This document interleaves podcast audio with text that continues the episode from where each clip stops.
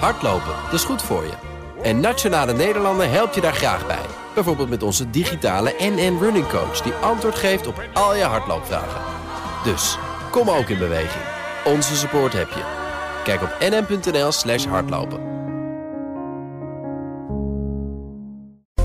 De Friday Move wordt mede mogelijk gemaakt door TUI en Otto Workforce. We take care of our people.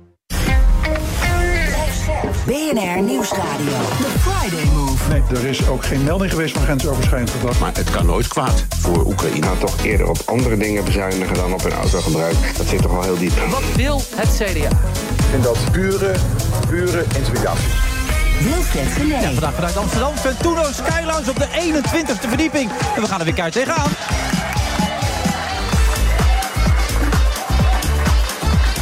U hoort het een razend enthousiaste menigte ja, op een plaats waar je zou denken... dat kan nog helemaal niet, want er wordt hier nog volop gebouwd. We zitten dus op de 21ste verdieping. Er gaat hier een heel mooie Skylounge komen, een nieuw concept van de Ramsey Groep. En uh, DJ Desmond probeert hier toch nog een beetje de stemming in te krijgen... om die mensen natuurlijk die in deze omstandigheden een beetje vreemd om zich zitten te kijken... er toch een leuke middag te laten krijgen.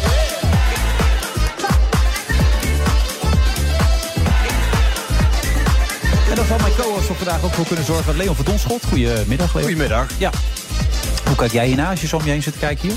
Wat zeg je? Hoe kijk jij hierna als je zo om je heen zit te kijken? Ja, ik ben benieuwd. Ik hoorde net dat het 30 september af is. Ik ben benieuwd of ze dat halen. Ik, Ja. ik, ik vind het heel moeilijk om te zien dat dit, eh, dan, wat dit dan over een paar weken is. Ik heb ook Ja. altijd bij huizen, daar moet je dan doorheen kunnen kijken, hoor ik altijd, als je een huis te koop ziet. Maar dat kan ik niet. Kan jij niet door huizen heen kijken? Nou, ik kan niet zien wat het moet worden. Snap je? Niet. Dus ik zie dat nu vooral wat het nu is. niet. En het is nu gewoon een, een, een, een, een verdieping in... Een bouwput eigenlijk. Precies. Ja, met een fantastisch uitzicht. Ah, dat dus je zeker. kan er wel doorheen kijken, letterlijk. Ja, nee, je kan wel mooi om je heen kijken. Je ziet dan ook dat het heel mooi zou kunnen worden. Het kan heel mooi worden. Ja, kan ook niks worden natuurlijk. Maar daar ga ik niet vanuit. Ik heb daar foto's zien hangen. Die zien er prachtig uit. Als dat gaat lukken, dan, dan wordt er wel wat. Nou, dan heb ik het even uitgelegd. Misschien dat mensen nog langs willen komen. Kunnen ze zelf komen kijken. Mag dat eigenlijk? Mogen ze gewoon niet langskomen? En naar boven lopen? Ja, dat mag gewoon. Nou, nou hartstikke leuk. Kom er even langs. De Ventuno zit in de Vlissingstraat of zoiets. Nou, Hamstervliet of zoiets. Nou, niemand weet het hier. Maar ik kom er zo meteen wel achter. Leon, dit jaar word je 50, zag ik. Jezus. Ja, klopt. Ja. Ja. Toen dacht ik bij mezelf, hoe zit het bij jou? Moet het beste nog komen of is het beste al geweest? Ja, dat weet je pas achteraf, hè? is Ik ga ervan uit dat het beste nog komt. Maar dat, ik denk dat iedereen ervan uitgaat. Ook de dag, dat, de dag voordat ze een, een gruwelijk on- ongeluk ten onder gaan. Ja?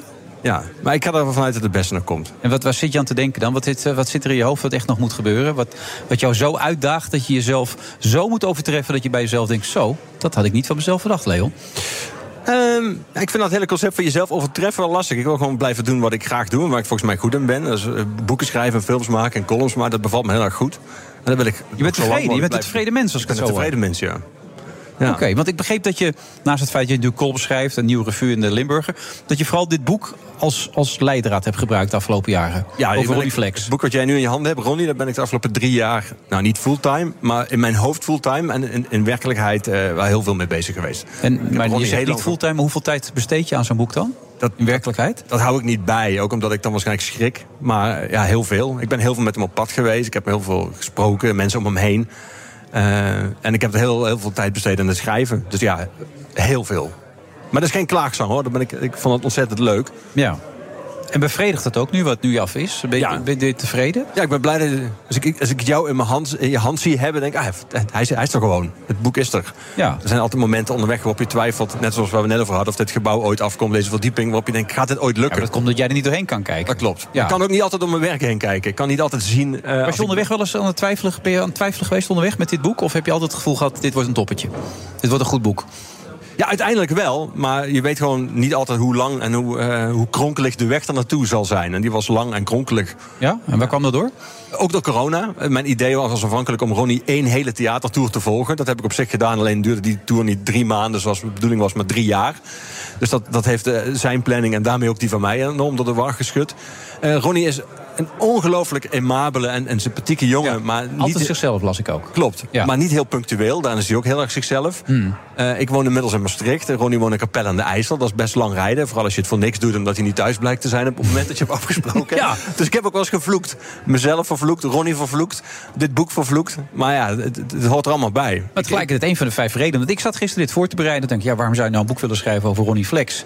Toen had je zelf in een interview al vijf punten aangegeven... waarom je toch heel graag Ronnie Flex wilde doen. Doen. En eentje daarvan was van Charme dus. Van Charme is zo groot, je kan niet boos op hem worden. Klopt. Dat hebben heel veel artiesten, valt me op. Eh, dat daar maken ze ook vaak zelf heel veel gebruik van. Dat niemand boos op ze kan worden. Bij Ron is dat wel heel extreem. Omdat er best wel veel redenen zouden kunnen zijn om boos op hem te worden. Bijvoorbeeld het feit dat hij heel vaak niet komt opdagen. Maar hij is zo charmant en hij, is ook, inderdaad, hij zit gewoon in zijn eigen wereld. En in die wereld maakt hij muziek. En in zijn hoofd is hij met zijn muziek bezig. En niet met of we om drie of om vier uur hebben afgesproken. Of überhaupt hebben afgesproken. Ja. En dan gaan er ook wel eens wat andere afspraken voor mensen fout voor hem. Hè? Met clips Zeker. en opnames en dat soort zaken. Maar allemaal. het maakt allemaal niet uit. Ja, de mensen zijn wel een tijdje misschien wel heel even boos. Maar omdat hij ook vrij conflictvermijdend is. Wat hij ook meteen zelf toegeeft. En ook letterlijk conflictvermijdend. In de zin van dat hij dan gewoon er niet is als je boos op hem bent. Komt hij vaak pas terug als je niet meer zo boos bent. En dan, ja, dan is het eigenlijk al een soort van voorbij. Dat, Ja. dat had hij als kind al vertelde zijn moeder. Dat als hij dan eh, op het huis moest passen. En zij komt terug. En het huis, daar was niet op gepast. Maar er was een week lang eh, waren er feesten gehouden. Alleen het opruimen was er niet gebeurd. Dan was hij heel erg boos. En dan was hij gewoon drie dagen. Was hij dan niet? Was hij onbereikbaar. En als de woede dan enigszins gezakt was. Dan stond hij voor de deur. En dan was eigenlijk de woede al een soort vergroot. Dat is weg. Het was ook een manier. Ja. Daar volgens mij met Anne de Jong over relaties hebben. En hoe je met ruzies moet omgaan. Maar dit heb ik in haar boek niet gevonden. Misschien kun je dat ook doen. Gewoon weggaan en na drie dagen terugkomen. Als de ander niet meer zo boos is. Ik ken aantal mensen die dat ook doen. Maar ik, denk niet dat ze het op prijs gaan stellen dat ik hun naam hier in deze uitzending ga noemen. Dus dat laat ik me niet uit achterwege. Je zegt ook op een gegeven moment, je wilde het eh, generatieconflict wel aangaan met Ja. Je, dat, dat, dat grote gat, hoe groot was het gat? Nou ja, je hebt net fijntjes erop gewezen dat ik dit jaar 50 word. Eh, Toen Ja. ik begon eh, aan het boek was ik, nog- was ik zoals nu een 40 en Maroni was toen nog een 20er. Ja. Dat is op zich, in, in een jaar is dat niet extreem veel. Maar ja, inmiddels eh, zit er wel een, kloof. Ook omdat we ook een andere huidskleur hebben. We komen uit een hele andere scene. We hebben een hele andere manier van in het Ja, leven jij staan. rookt niet, jij drinkt niet. Je bent Precies. vegetariër, je bent Ja. heel serieus en saai eigenlijk. Ja, heel saai. Ja. Heel zingwekkend saai zelf. Dus ik richt me ook vooral op mensen die dat niet zijn. Daar schrijf ik dan over. Dus er waren wel veel kloven. En ik had ook wel... Ik ben gewend, mijn vorige boek ging over Rico Verhoeven. Nou, ik kickbox zelf, ik ken die wereld vrij goed. Eh, dat was niet zo moeilijk om daarin te komen. Nee. Om, eh, en bij Ronnie wist ik gewoon... Kijk, ik ben de, de oudste in de kleedkamer. Ik ben de enige wit in de kleedkamer. Ik ben de enige rocker in de kleedkamer. Hmm. Het gaat wel een tijd duren voor ik op het punt kom waar ik altijd wil uitkomen. Namelijk dat niemand nog weet eigenlijk dat ik er ben. Dat ik een soort van bij het interieur hoor.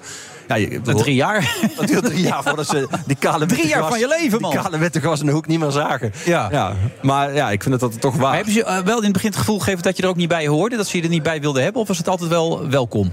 Nee, het, het, het gekke is, dat het was heel prettig eraan eigenlijk. Ze hebben mij het gevoel gegeven dat het allemaal niet uitmaakt. De, eh, dus eh, ik, ik kwam binnen, niemand bemoeit zich verder met je. Je was gewoon eigenlijk een onzichtbaar iemand. Ja.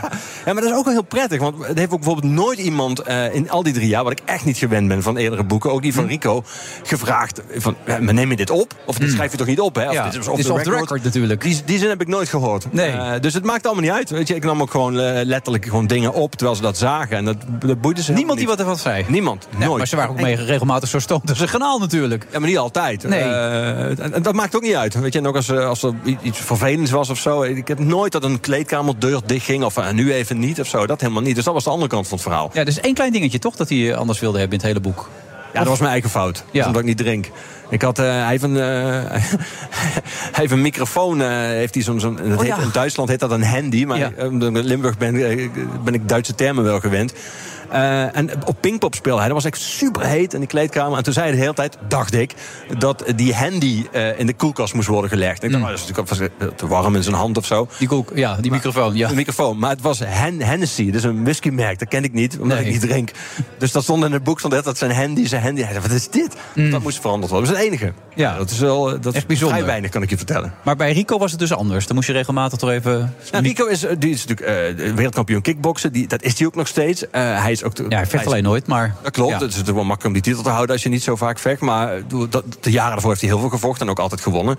Eh, en hij is acteur en hij is bezig met, weet je wel, met, met restaurants en zo. Die is zich best wel bewust van waar hij staat, wat zijn marketingwaarde is, eh, hoe hij zijn merk wil uitdragen.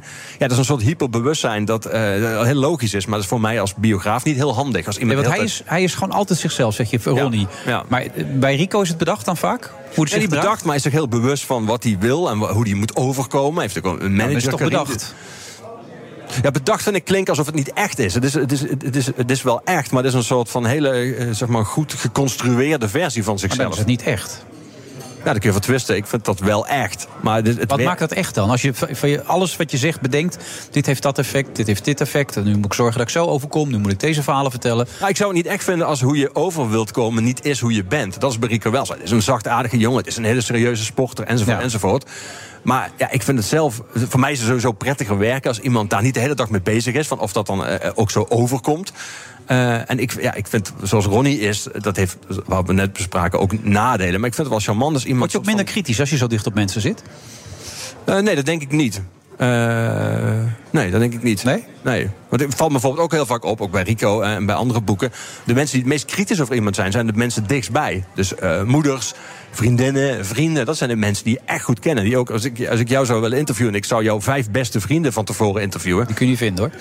Maar ga door, ja. Dat is, dat is de- je beste kennissen. Die, de- die, die denken dat die de meest kritische noot over jou kraken. Dat doen ze weliswaar uit liefde of uit genegenheid of uit vriendschap. Maar die zullen wel heel goed kunnen aangeven wat jouw nadelen zijn. Of wat, wat, wat ze tegenaan lopen bij jou. Dus ik denk niet dat dat zo is. Nee, omdat jij hierin ook zegt dat hij mensen om zich heen heeft. En in het begin van de, een van de eerste hoofdstukken is dat ook. Die niet echt kritisch zijn. Als je nieuwe muziek uitbrengt enzovoort. Hij heeft ze niet echt meteen om zich heen. Hij ziet het alleen aan hun uitdrukking. Als iets niet goed is of slecht is. Maar ze zullen het niet tegen hem zeggen, bijvoorbeeld. Nee, dat is een beetje het nadeel als je denkt... Bij Roddy heeft het nu over. Ja, dat ik, Ronnie, duidelijkheid, ja. Ik denk als je zelf heel conflictvermijdend bent, eh, zoals hij het absoluut is, dat je misschien ook wel mensen om je heen gaat verzamelen en dat mensen ook denken, oh, dat kan hij misschien niet hebben of zo, en dat andere mensen ook het conflict uit, of conflict, in ieder geval de pijnlijke waarheid die dan tot een conflict zou kunnen leiden, uit de weg gaan. Dus dat is wel een soort sfeertje wat je om je heen bouwt dan. Dat heeft Rico bijvoorbeeld absoluut niet. Heeft allemaal mensen die hem de hele dag de waarheid vertellen. Is dat zo? Ja, zijn trainer is heel streng, Dennis Krauwil. Zijn manager Karim is heel streng. Eh, dat zou bij Ronnie niet werken. Maar het nadeel is het misschien wel dat je mensen om je heen verzamelt... die dat om, omheen fietsen, zeg maar. Ja. Heb jij veel mensen om je heen die eh, de waarheid vertellen? Mijn vriendin, Ja? die vertelt me elke dag de waarheid. Laat ik ook al mijn columns lezen. En die zegt meteen wat goed is en wat niet goed is. Hoe vind je dat? Eh, Altijd de eerste vijf minuten pijnlijk en dan ben ik blij. Heeft ze altijd gelijk dan? Ze heeft echt verbijsterend vaak gelijk, ja. ja. En ik dus dan niet. Dat is Ja. best een pijnlijke constatering, toch? Ja, maar ik ben blij dat zij het constateert... voordat de rest van de wereld het ziet. Ja. Ja, dat blijft, ook dat blijft ja. later in ieder geval in ons huis hangen. Ja, ik weet niet of je de opzet van het programma kent, maar je kan bij alles gewoon volop meedoen. En zeker het volgende onderwerp eh, zal jou eh na aan het hart liggen. Daar gaan we.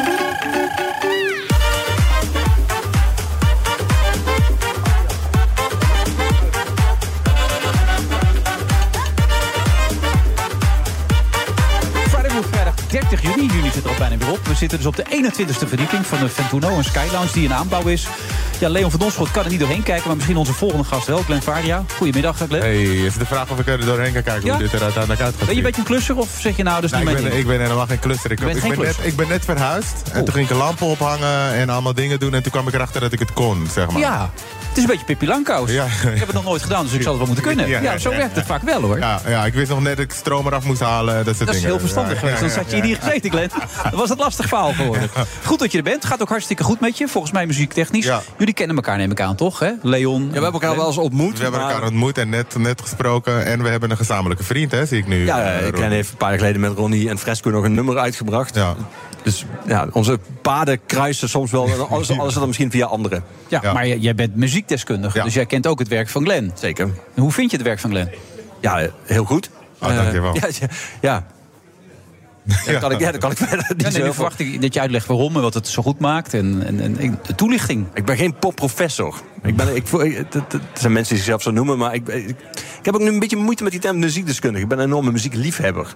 Maar ik ben niet iemand die nu. Ik vind het ook een beetje pedant dat ik dan Glenn moet gaan uitleggen wat goed is aan zijn eigen werk. Ik denk dat Glenn dat zelf heel goed weet.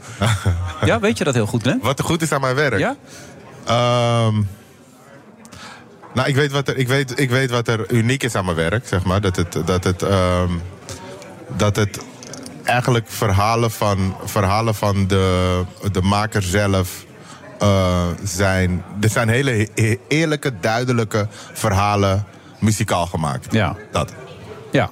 Dat toch, denk ik. Toch was er een periode dat je op een gegeven moment jezelf een beetje terugtrok. Hè? Toch, tot beste zangers had je jezelf op een gegeven moment meer op de achtergrond zeker, gezet. zeker. En nu ben je, breng je jezelf weer op de voorgrond. Zeker. Maar toen kwam je er ook achter dat die hele persoonlijke verhalen dus ook door andere mensen gebracht konden worden. Ja. En hoe was dat toen?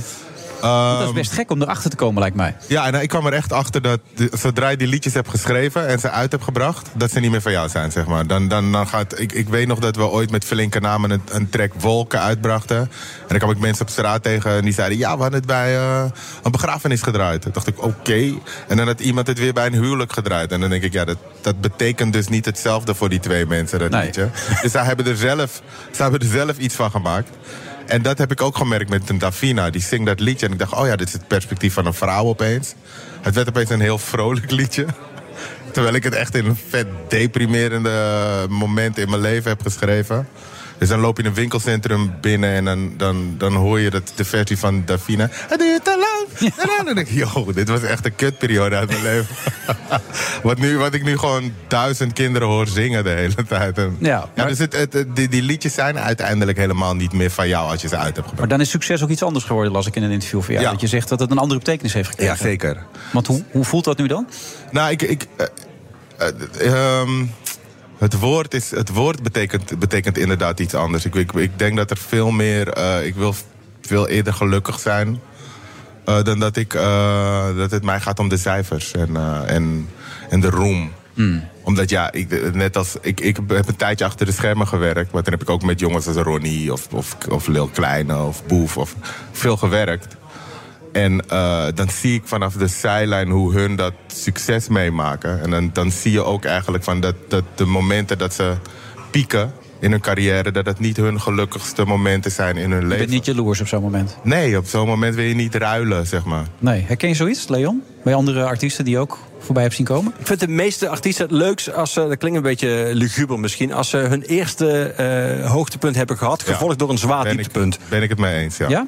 Ja, en daarna kan er weer een nieuw hoogtepunt komen. Dan hebben ze in ieder geval geleerd dat het niet vanzelfsprekend is. Hebben ze ook geleerd wie de mensen zijn wie je kan bouwen en de mensen wie dat zeker niet zijn. Hebben ze de opportunisten enigszins herkend. Juist. En, en zijn ze ook weg uit die wolk. Die wolk is, eh, die is, die geeft een soort energie, maar die maakt mensen ook wel vaak onuitstaanbaar, vind ik. Die Ja. eerste wolk van Maar je spreekt uit bekendheid. herkenning, heb ik het Ja, dat idee. herken ik. Schandalen zijn ook heel erg goed voor artiesten. Ja, die moet je even meemaken, pas schandaal. Ja, je moet, ja, je moet gewoon jezelf tegenkomen uiteindelijk. En er, eh, er, is, er is altijd een moment, weet ik veel. Dan zit je in een eh, weet ik veel, penthouse ergens op een feestje. Dan is het, je, stel je voor, je bent een superberoemde artiest. Je zit in een penthouse, je hebt een feestje met allemaal fans om je heen en vrienden.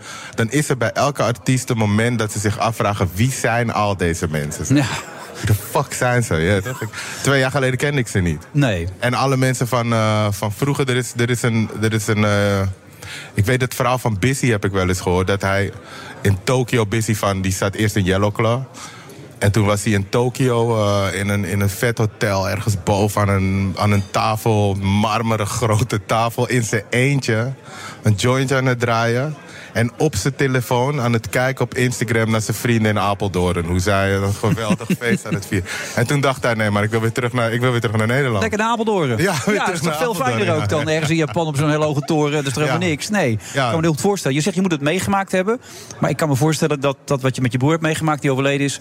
Dat je er alles voor over zou hebben om, om dat niet mee hebben gemaakt. Ja, dat, dat was ook zeg maar, in, in zeg maar, de, die piek waar we het over hebben. Zeg maar. ik, was, ik had besloten om, om, om, om mezelf eh, achter de schermen meer te bewegen. Ja. Toen kwam dat beste zangersding en toen, werd- toen werd er eh, Ja, ja, gewoon... Tino Martin, ja, buiten iedereen, mijn controle werd, er dan een, werd er dan een piek gecreëerd. En aan het eind van het jaar eh, ging, mijn ging mijn broer uit het niks dood. ja, buikpijn, hij belt je, je gaat Ja. naar hem toe. Ja. Hij zit bij je moeder Ja. en opeens is hij weg. Is hij weg, ja. Ja. En ik ben ook ik ben met muziek met hem begonnen. Dus we hebben altijd bandjes samen gehad. En dan speelde ik, dan speelde ik toetsen. Dan was ik weer de rapper. Dan was hij de drummer. Dan was, dus we hebben altijd in het bandjescircuit samen dingen gedaan. En, en toen hij op het... Dus het was... Ik leefde eigenlijk ook een beetje onze droom, zeg maar. En toen hij weg was, dacht ik, ja, wat, wat de fuck is het dan allemaal waard, zeg maar. Ja. Je hebt ook een periode gehad dat je vond dat je eigenlijk niet voldoende gerouwd had daarover, Ja, toch? zeker. En is dit dan ook een idee erachter dat je dit wil laten zien aan hem? Het Mella, zo heet het ook, zijn Ja. bijnaam. Het is, het is meer een eerbetoon. Toen hij, oh, toen hij toen op zijn begrafenis zeiden eh, vrienden en familie... we moeten een groot feest voor hem geven. En toen dacht ik, ja, wie nodig ik dan uit op dat grote feest? Zijn er dan vrienden van hem? Gaan, eh, weet, bekent hij die, kende hij die mensen zelf dan? Dus dat heb ik niet gedaan. En toen dacht ik, er moet een manier zijn waarop ik denk... dat ik een eerbetoon aan mijn broer kan eh, maken. En dat, ja, dat, dat, moet dan, dat moest van mijn muziek zijn. Ja, zwaaien naar het verleden. Zwaaien naar het verleden, ja. Even luisteren. Yes.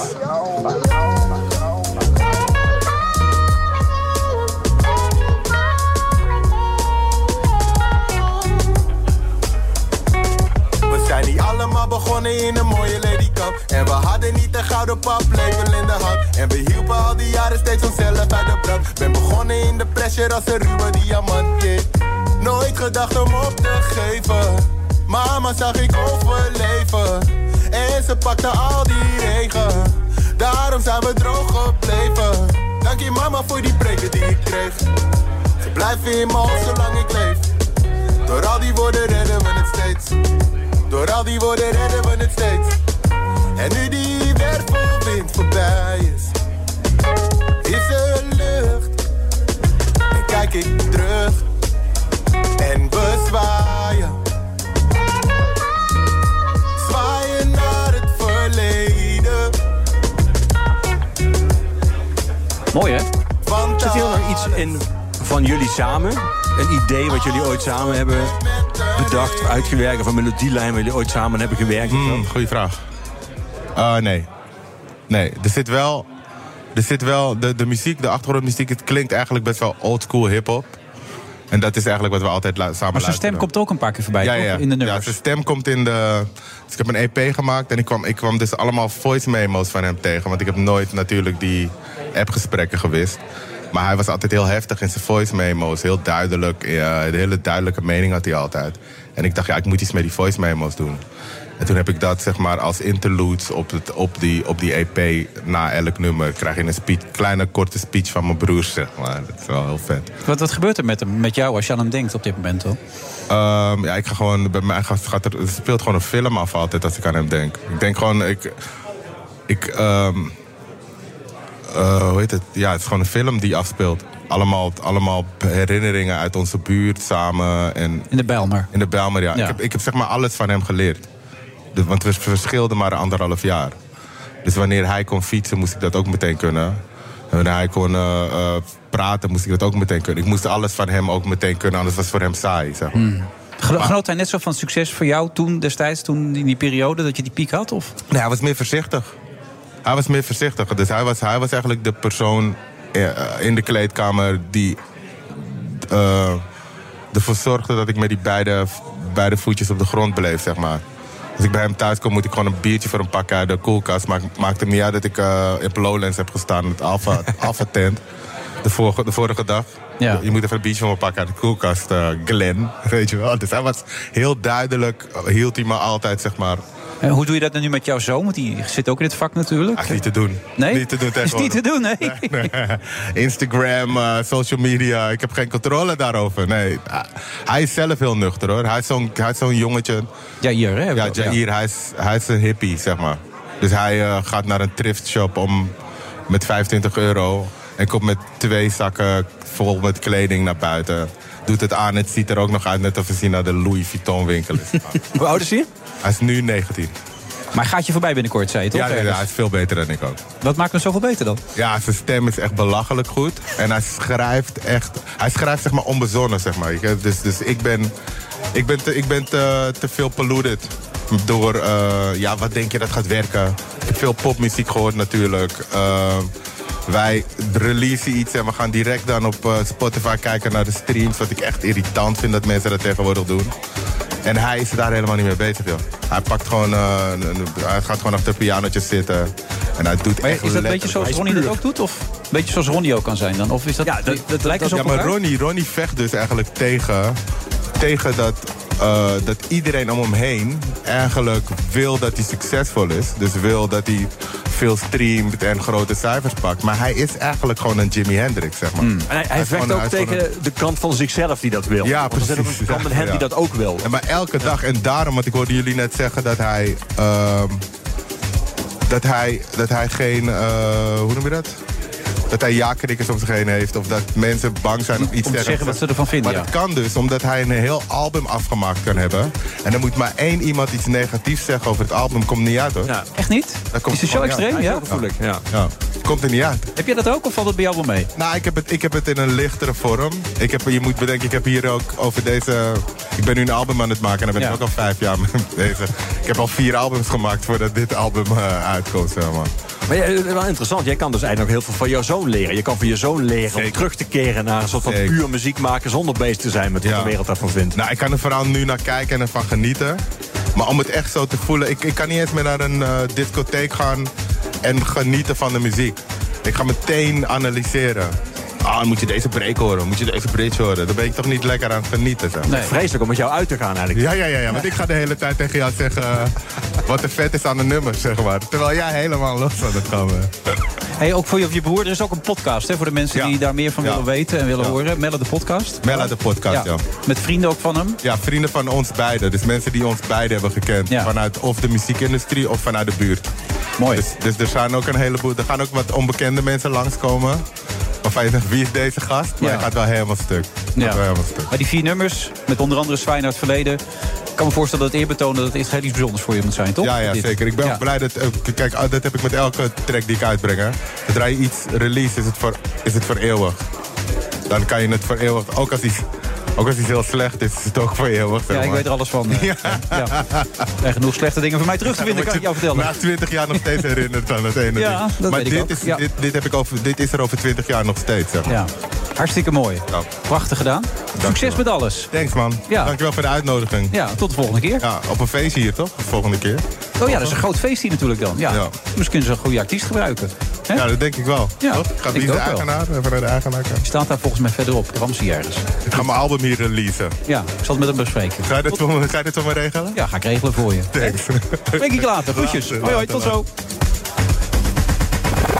Business Booster. Hey ondernemer, KPN heeft nu Business Boosters. Deals die jouw bedrijf echt vooruit helpen. Zoals nu, zakelijk tv en internet, inclusief narrowcasting... de eerste 9 maanden voor maar 30 euro per maand. Beleef het EK samen met je klanten in de hoogste kwaliteit. Kijk op kpn.com slash businessbooster. Business Booster. Hardlopen, dat is goed voor je. En Nationale Nederlanden helpt je daar graag bij. Bijvoorbeeld met onze digitale NN Running Coach... die antwoord geeft op al je hardloopvragen. Dus, kom ook in beweging. Onze support heb je. Kijk op nn.nl slash hardlopen.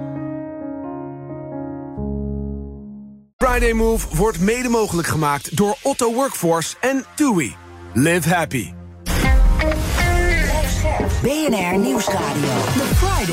Omdat er ook heel veel eh, sympathisanten bij eh, zijn gekomen. Eerder op andere dingen bezuinigen dan op hun autogebruik. Die jongeren zijn eh, boos. Het gaat om uh, bankiers, handelaren. We gaan ons helemaal leeg laten lopen op.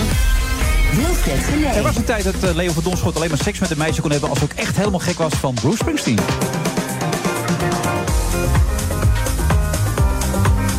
Vandaag in, eh, in Amsterdam. We zitten op een eh, speciale locatie. De 21ste verdieping van het eh Ventuno. Dat is een hotel hier in Amsterdam. Eentje van de Ramsey Groep. En als je langs wil komen kan dat. Onze eigen DJ is ook, DJ Desmond. En natuurlijk ook Leo van Donschot. En Leo, hoe zit dat? Is dat nog steeds het geval? Of mogen vrouwen... Ja, nog steeds? Ja? Ja. Jij kan dus geen seks hebben met vrouwen die niks met Bruce Springsteen hebben. Vind ik veel moeilijker. En waar komt dat door dan? Wat is dat dan? Wat voel je dat ook tijdens de daad en zo? Merk je dat ook? Nou, het is niet dat ik tijdens de daad heel veel over Bruce Springsteen praat. Maar ja, het is toch een soort... Ja, je voelt het gewoon. Het moet. Het, is een onderdeel van het bestaan. Ik vind Bruce is wel een heel cruciaal onderdeel van mijn bestaan, ja. Ja. Dus als je helemaal niks met hem hebt, heb ik waarschijnlijk gewoon heel, niet zo heel veel met jou. Oké, stay hungry. Stay hard, stay hungry, stay alive. Dat is Ja. de tekst. Ja. Die heb jij waar staan? Op, je mijn lijf? arm. Op je arm.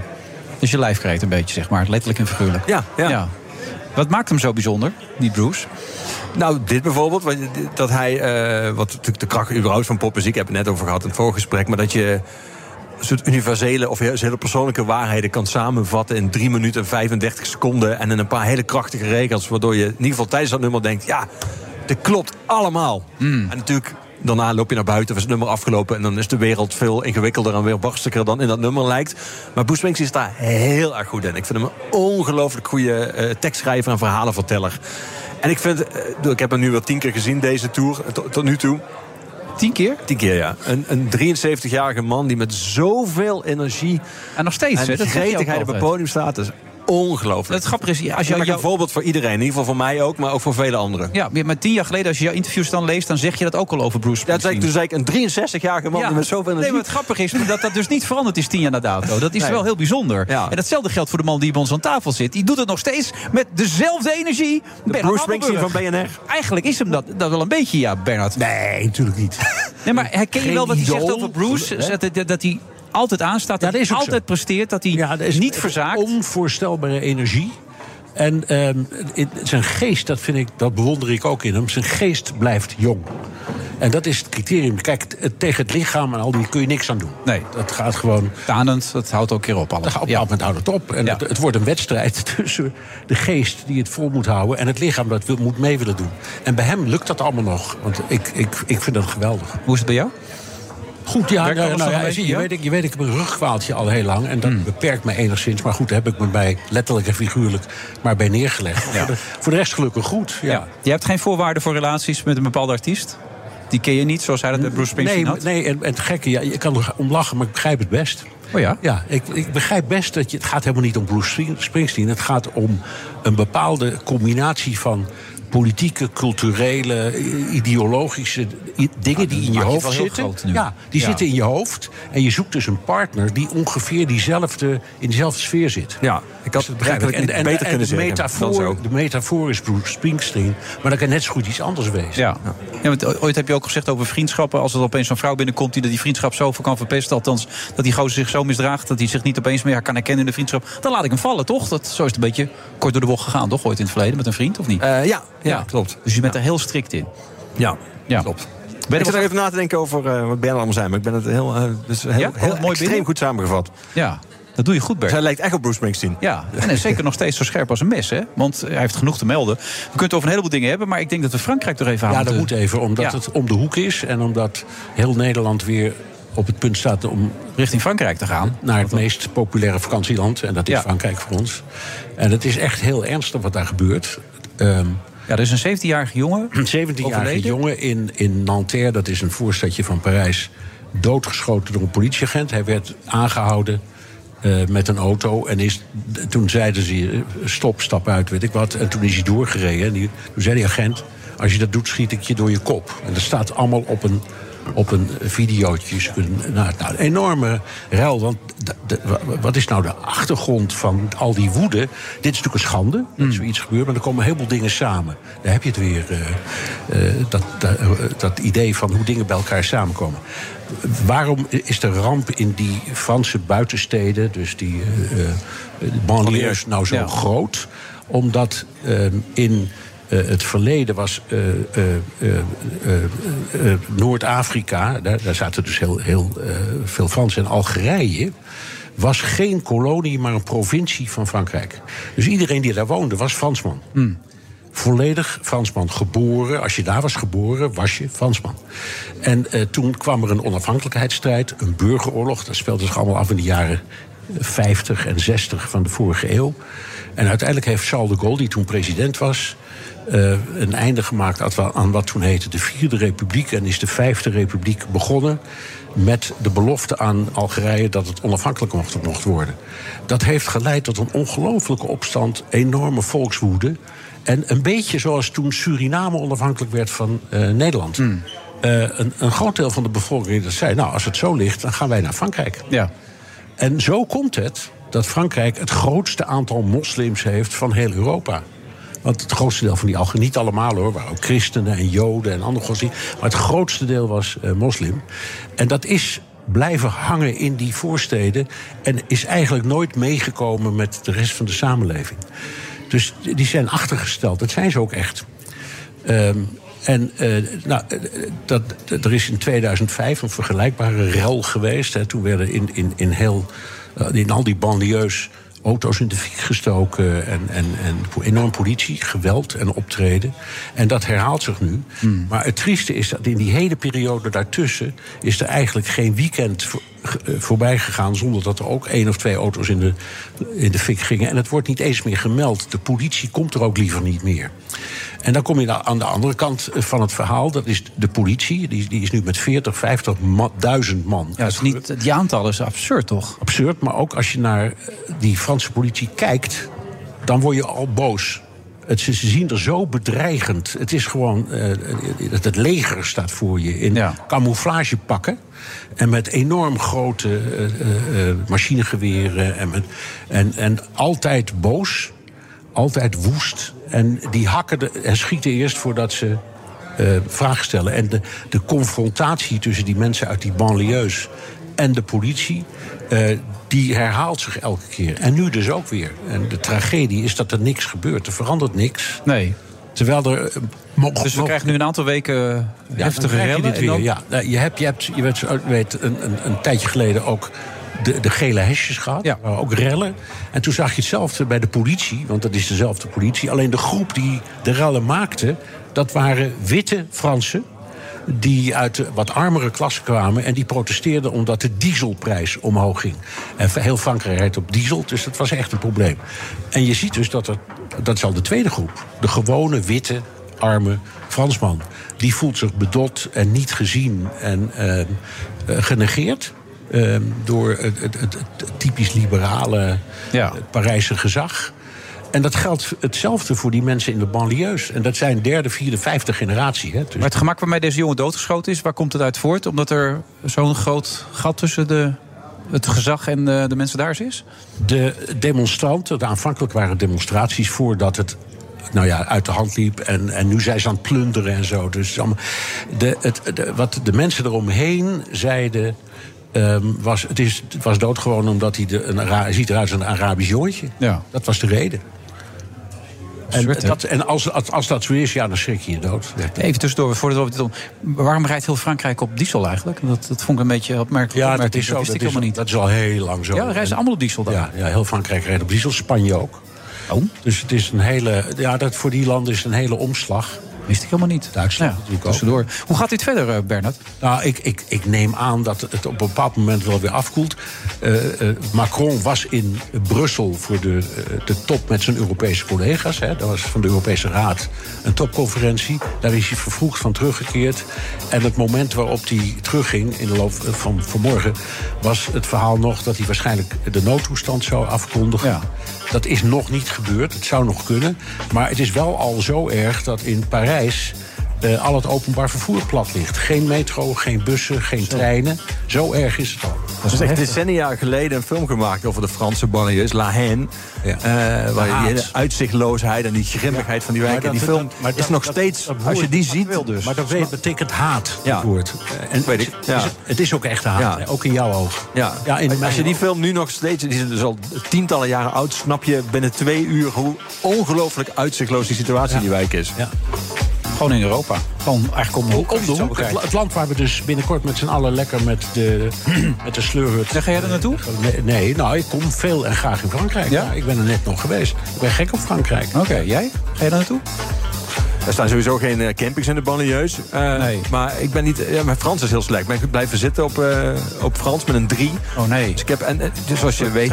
kom je in Frankrijk niet heel ver als je niet vloeiend Frans spreekt. Nee, dat is waar. Je moet goed Frans spreken. Nou, je moet je kunnen redden. Jij spreekt goed Frans dus, Bernard. Oh ja, goed, ja. Jij kan Ik- ik had vroeger- Bruce Springsteen van de, Ik, van de ik- BNR, die ik- kan ik- veel, hoor. vroeger bij de. APRO een collega die zou in dat geval zeggen... voldoende om het te verloven.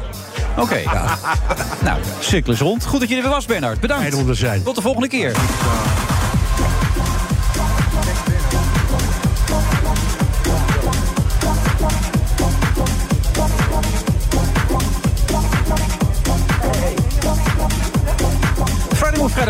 Juni. We zitten in Amsterdam. Ik zei het, eigenlijk heette het Ruby M Hotel. Als je het niet kan vinden, dat je al een tijdje aan het rondfietsen bent. Hoe kom je nou gozer bij het Ventuno? Waar heeft die man het over? Ja, eigenlijk staat het Ruby M Hotel. Dan kom je wel naar binnen.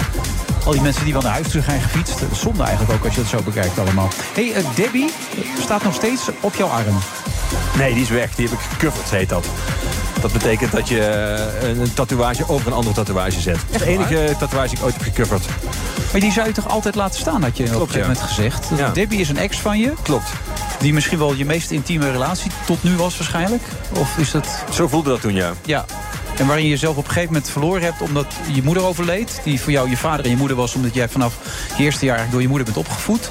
En daar is het helemaal mis in gegaan. Ik pas het een beetje toe omdat het over relaties gaat. En die relatie kwam op een gegeven moment in een zeg maar rode fase terecht. Jullie maakten zoveel ruzie, zoveel strijd dat het niet langer meer ging. Ja. En het boek van Anne, die je nu aan tafel hebt zitten, gaat er op een gegeven moment over dat sommige mensen zoveel ruzie krijgen dat dan de man van de vrouw zegt eh, dat zij altijd hysterisch is. En de, de vrouw van de man dat hij altijd autistisch is. Dat elkaar een soort van allerlei medische termen toedichten. Zo is onze relatie geëindigd. We zien elkaar nooit meer. Oké, dus daarom is ze nu ook van je arm af. Het is uit mijn leven, uit mijn hart en uit van mijn arm af. Oké. Dat zal wederzijds ongetwijfeld volledig het geval zijn. Oké, want nu alleen je moeder nog. Staat er nu nog op. Die, sta- die zal er altijd blijven staan. Ja. Nu zul jij zeggen, dat zei je ook van Debbie. Klopt, maar nu klopt het. Ja, alleen je moeder blijft staan. En hoe heet je huidige vriendin?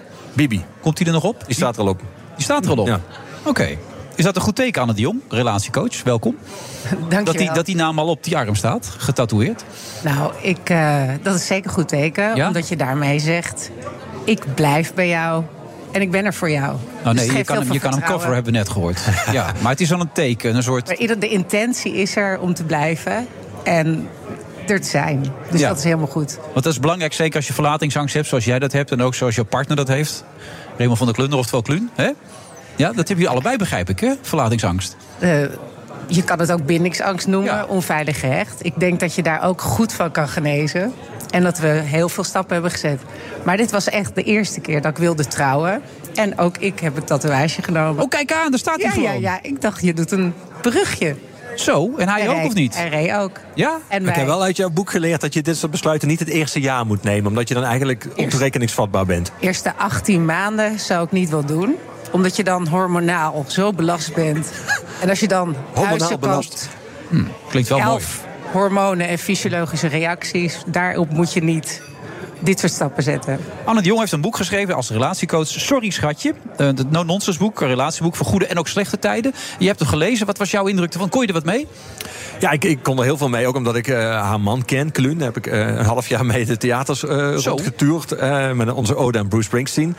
Eh, dus ik was het ook. Ik zat helemaal op. Er zat Hou je wel van Bruce Springsteen trouwens, tussendoor, Anne? Uiteraard. Nu wel. Nu wel, oké, ja. Ga door. Ja. Ik Dus kent hem eigenlijk goed. wel, Er staat één ruzie tussen hun uitgewerkt, waar ik heel erg in het kamp van Kluun zat. Er was een ruzie waarbij eh Kluun Anne meevraagt naar de kermis in Tilburg. Eh, dat is de grootste kermis van, eh, van Nederland, van Europa. Ik kom zelf uit Geleen, dat is op één na grootste kermis van, eh, van Nederland. Dus ik begrijp heel goed waarom Kluun belangrijk vond om Anne mee te nemen.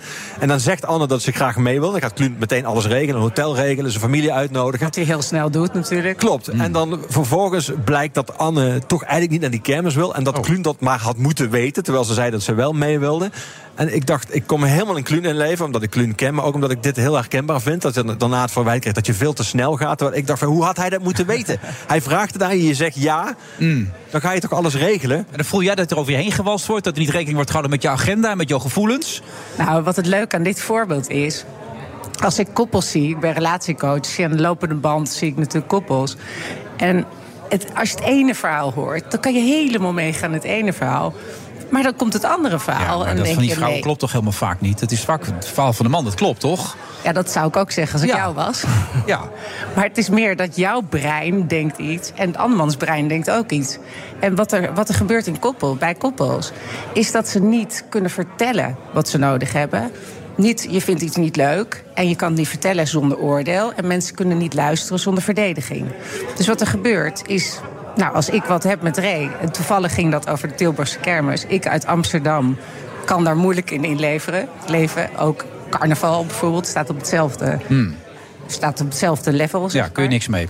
Maar ehm, ik, eh, je moet gewoon kunnen vertellen zonder dat je de ander, eh, het brein van de ander op slot zet. Dus als ik kritiek ga geven of als ik iets heel stom ga vinden, dan kan de ander niet meer luisteren. Dus dat brein voelt zich gewoon heel erg aangevallen en die gaat vanzelfsprekend gewoon verdedigen. Nou, en als je kijkt naar stellen, wat het allerbelangrijkste is, dat je dat ook leert. Dus dat zeg ik ook in mijn boek. Eh, mensen zijn niet liefdesvaardig genoeg. Dus je, wordt, je kan liefdesvaardiger worden. En dat zie ik in de praktijk. Mensen gaan in de praktijk veel te laat in coaching of in therapie. Bijna altijd vijf jaar te laat, zeg je ook in je boek, toch? Mensen- als je ja, gemiddeld vijf jaar te laat. Ja. Ja, en als ik zie stellen die bij me komen, het is nooit het probleem van nu.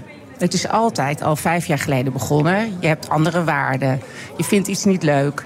Je wilde eigenlijk toch niet naar de Tilburgse kermis, wat dan ook. Maar je hebt het niet uitgewerkt. Je hebt het niet kunnen vertellen. Daarna maak je het goed, koop je bloemen, heb je seks, heb je leuke vakantie. En dan komt dezelfde ruzie weer opnieuw. Die los je weer niet op, los je weer niet op.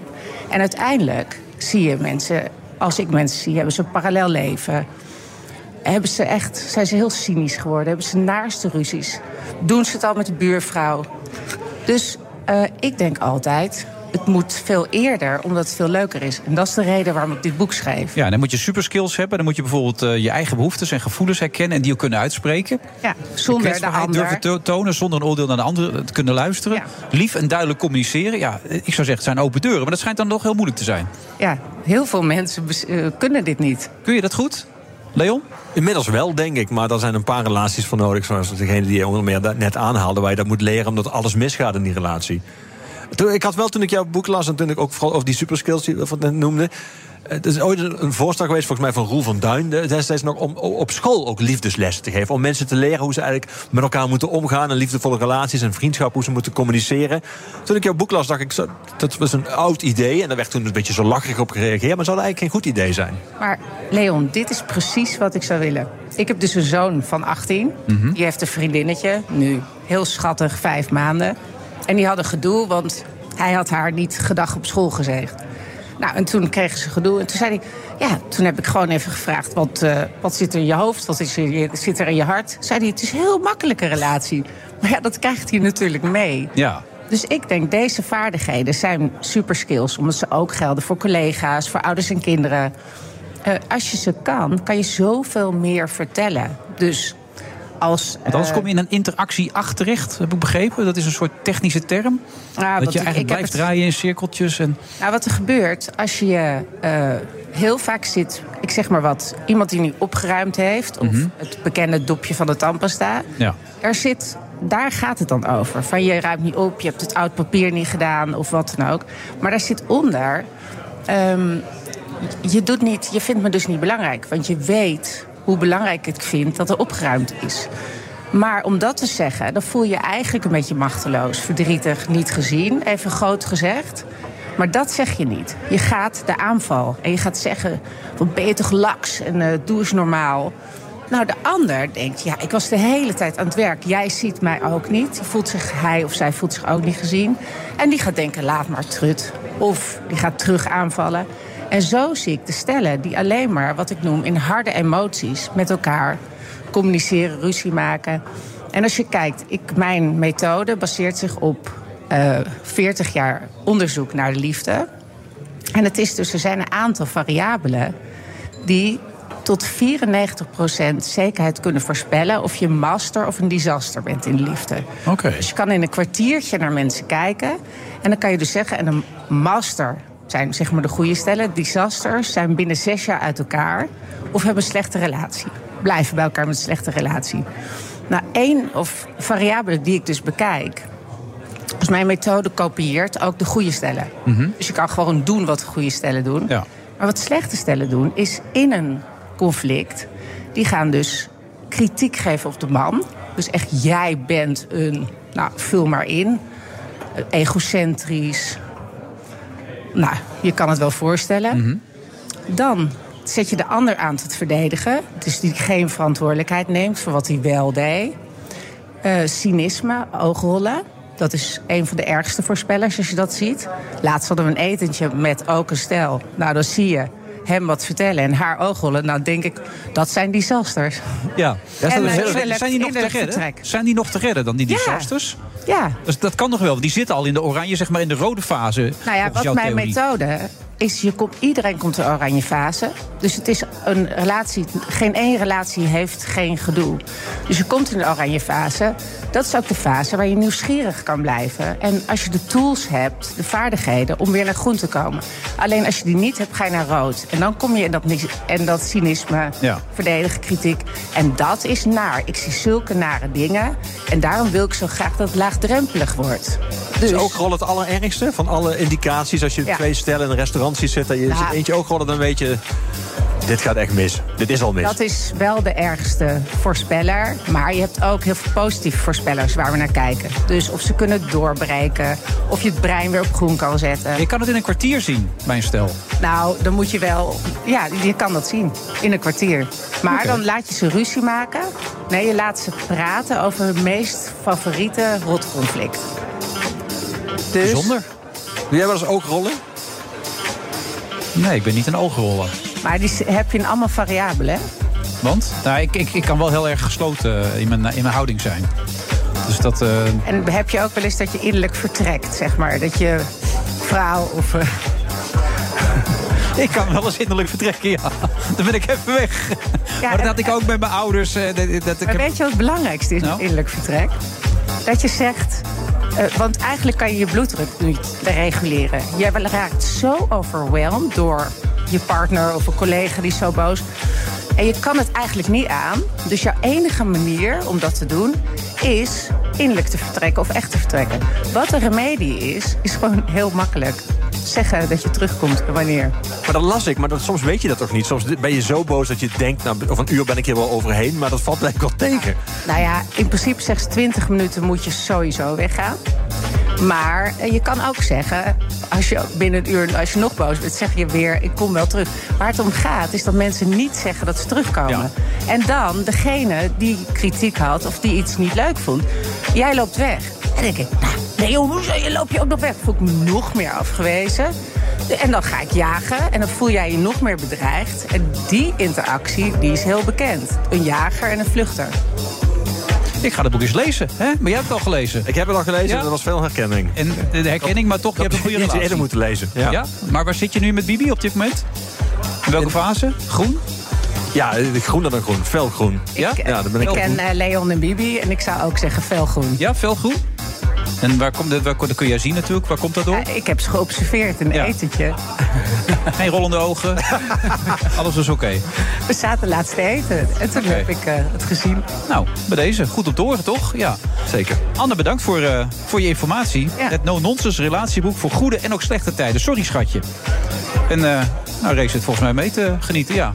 Deed ze het goed? Deed het goed, hè? Tevreden? Twee duimen omhoog, man. Nou, jullie kunnen vanavond een hele leuke avond tegemoet gaan. Dankjewel. Tot later.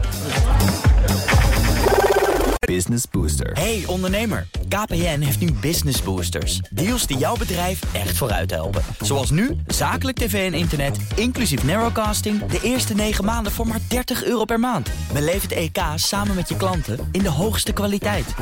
Kijk op kpn.com slash businessbooster. Business Booster. Hardlopen, dat is goed voor je. En Nationale Nederlanden helpt je daar graag bij. Bijvoorbeeld met onze digitale NN Running Coach... die antwoord geeft op al je hardloopvragen. Dus, kom ook in beweging. Onze support heb je. Kijk op nn.nl slash hardlopen. Move wordt mede mogelijk gemaakt door Otto Workforce en TUI. Live happy. BNR Nieuwsradio. The Friday Move. Nee, er is ook geen melding geweest van grensoverschrijdend gedrag. Maar het kan nooit kwaad voor Oekraïne. Nou, toch eerder op andere dingen bezuinigen dan op hun autogebruik. Dat zit toch wel heel diep. Wat wil het CDA? Ik vind dat pure, pure intimidatie. Wilfred Ik heb vandaag een hele gelukkige co-host. Leo van Domschot, die zit in de groene fase, zeg.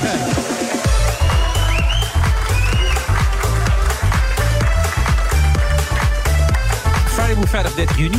We zitten dus eh, een beetje hoger dan normaal gesproken. Alhoewel, we zaten vroeger natuurlijk in de Skylounge ook best wel hoog. We zitten nu op de 21ste verdieping van, eh, van het Ventuno. Eigenlijk is het de Emma, Ruby Emma Hotel. Maar dan kun je langskomen als je op de fiets komt. Mogen met de auto. Met de auto moet je even kijken of je de auto kwijt kan. Leon, hoe gaat het tot nu toe? Goed, Ja? leuk. Ja. Wat is jouw partij? Politiek dat zeg gezien? ik niet. Dat zeg, je niet? Nee, ik ben columnist en ik, eh, ik, niet, ik geen partijpolitieke voorkeur uitspreken. eh. Oh, Nee. oké. En voor jou? Ik heb de laatste keer CDA gestemd, maar daar ging ik wel heel veel spelen. Chris van Dam, die, vond ik, die was, hij zat op die lijst helemaal naar achteren gezet. Vond ik echt een schande. Die had die, die, die toeslagencommissie voorgezeten. Ja. vond ik echt lachwekkend, vond ik dat. Dus eh, daar had ik wel wat mee. Maar goed, CDA nu doet. Hè? Adje Kuiken, goedemiddag. Goedemiddag. Partijleider van de PvdA. Of is het dan GroenLinks? Dat vergis ik me altijd in. Wat is het nou? Nou, je weet wat het is. Je bent zo dom ben je nog niet. Nee? Nee. Het is nog wel de PvdA? Zeker. Oké, nou, dat is goed om te weten. Leendert is er ook weer bij, Leendert Beekman. Maar de, de CDA? Hoe kijk je ernaar op dit moment? Nou ja, het is vooral belangrijk dat het CDA eh, minder handelt uit, uit angst. En vooral gaat doen wat het, wat het moet doen, namelijk regeren. En dat gaat zowel als het gaat over stikstof, over het landbouw.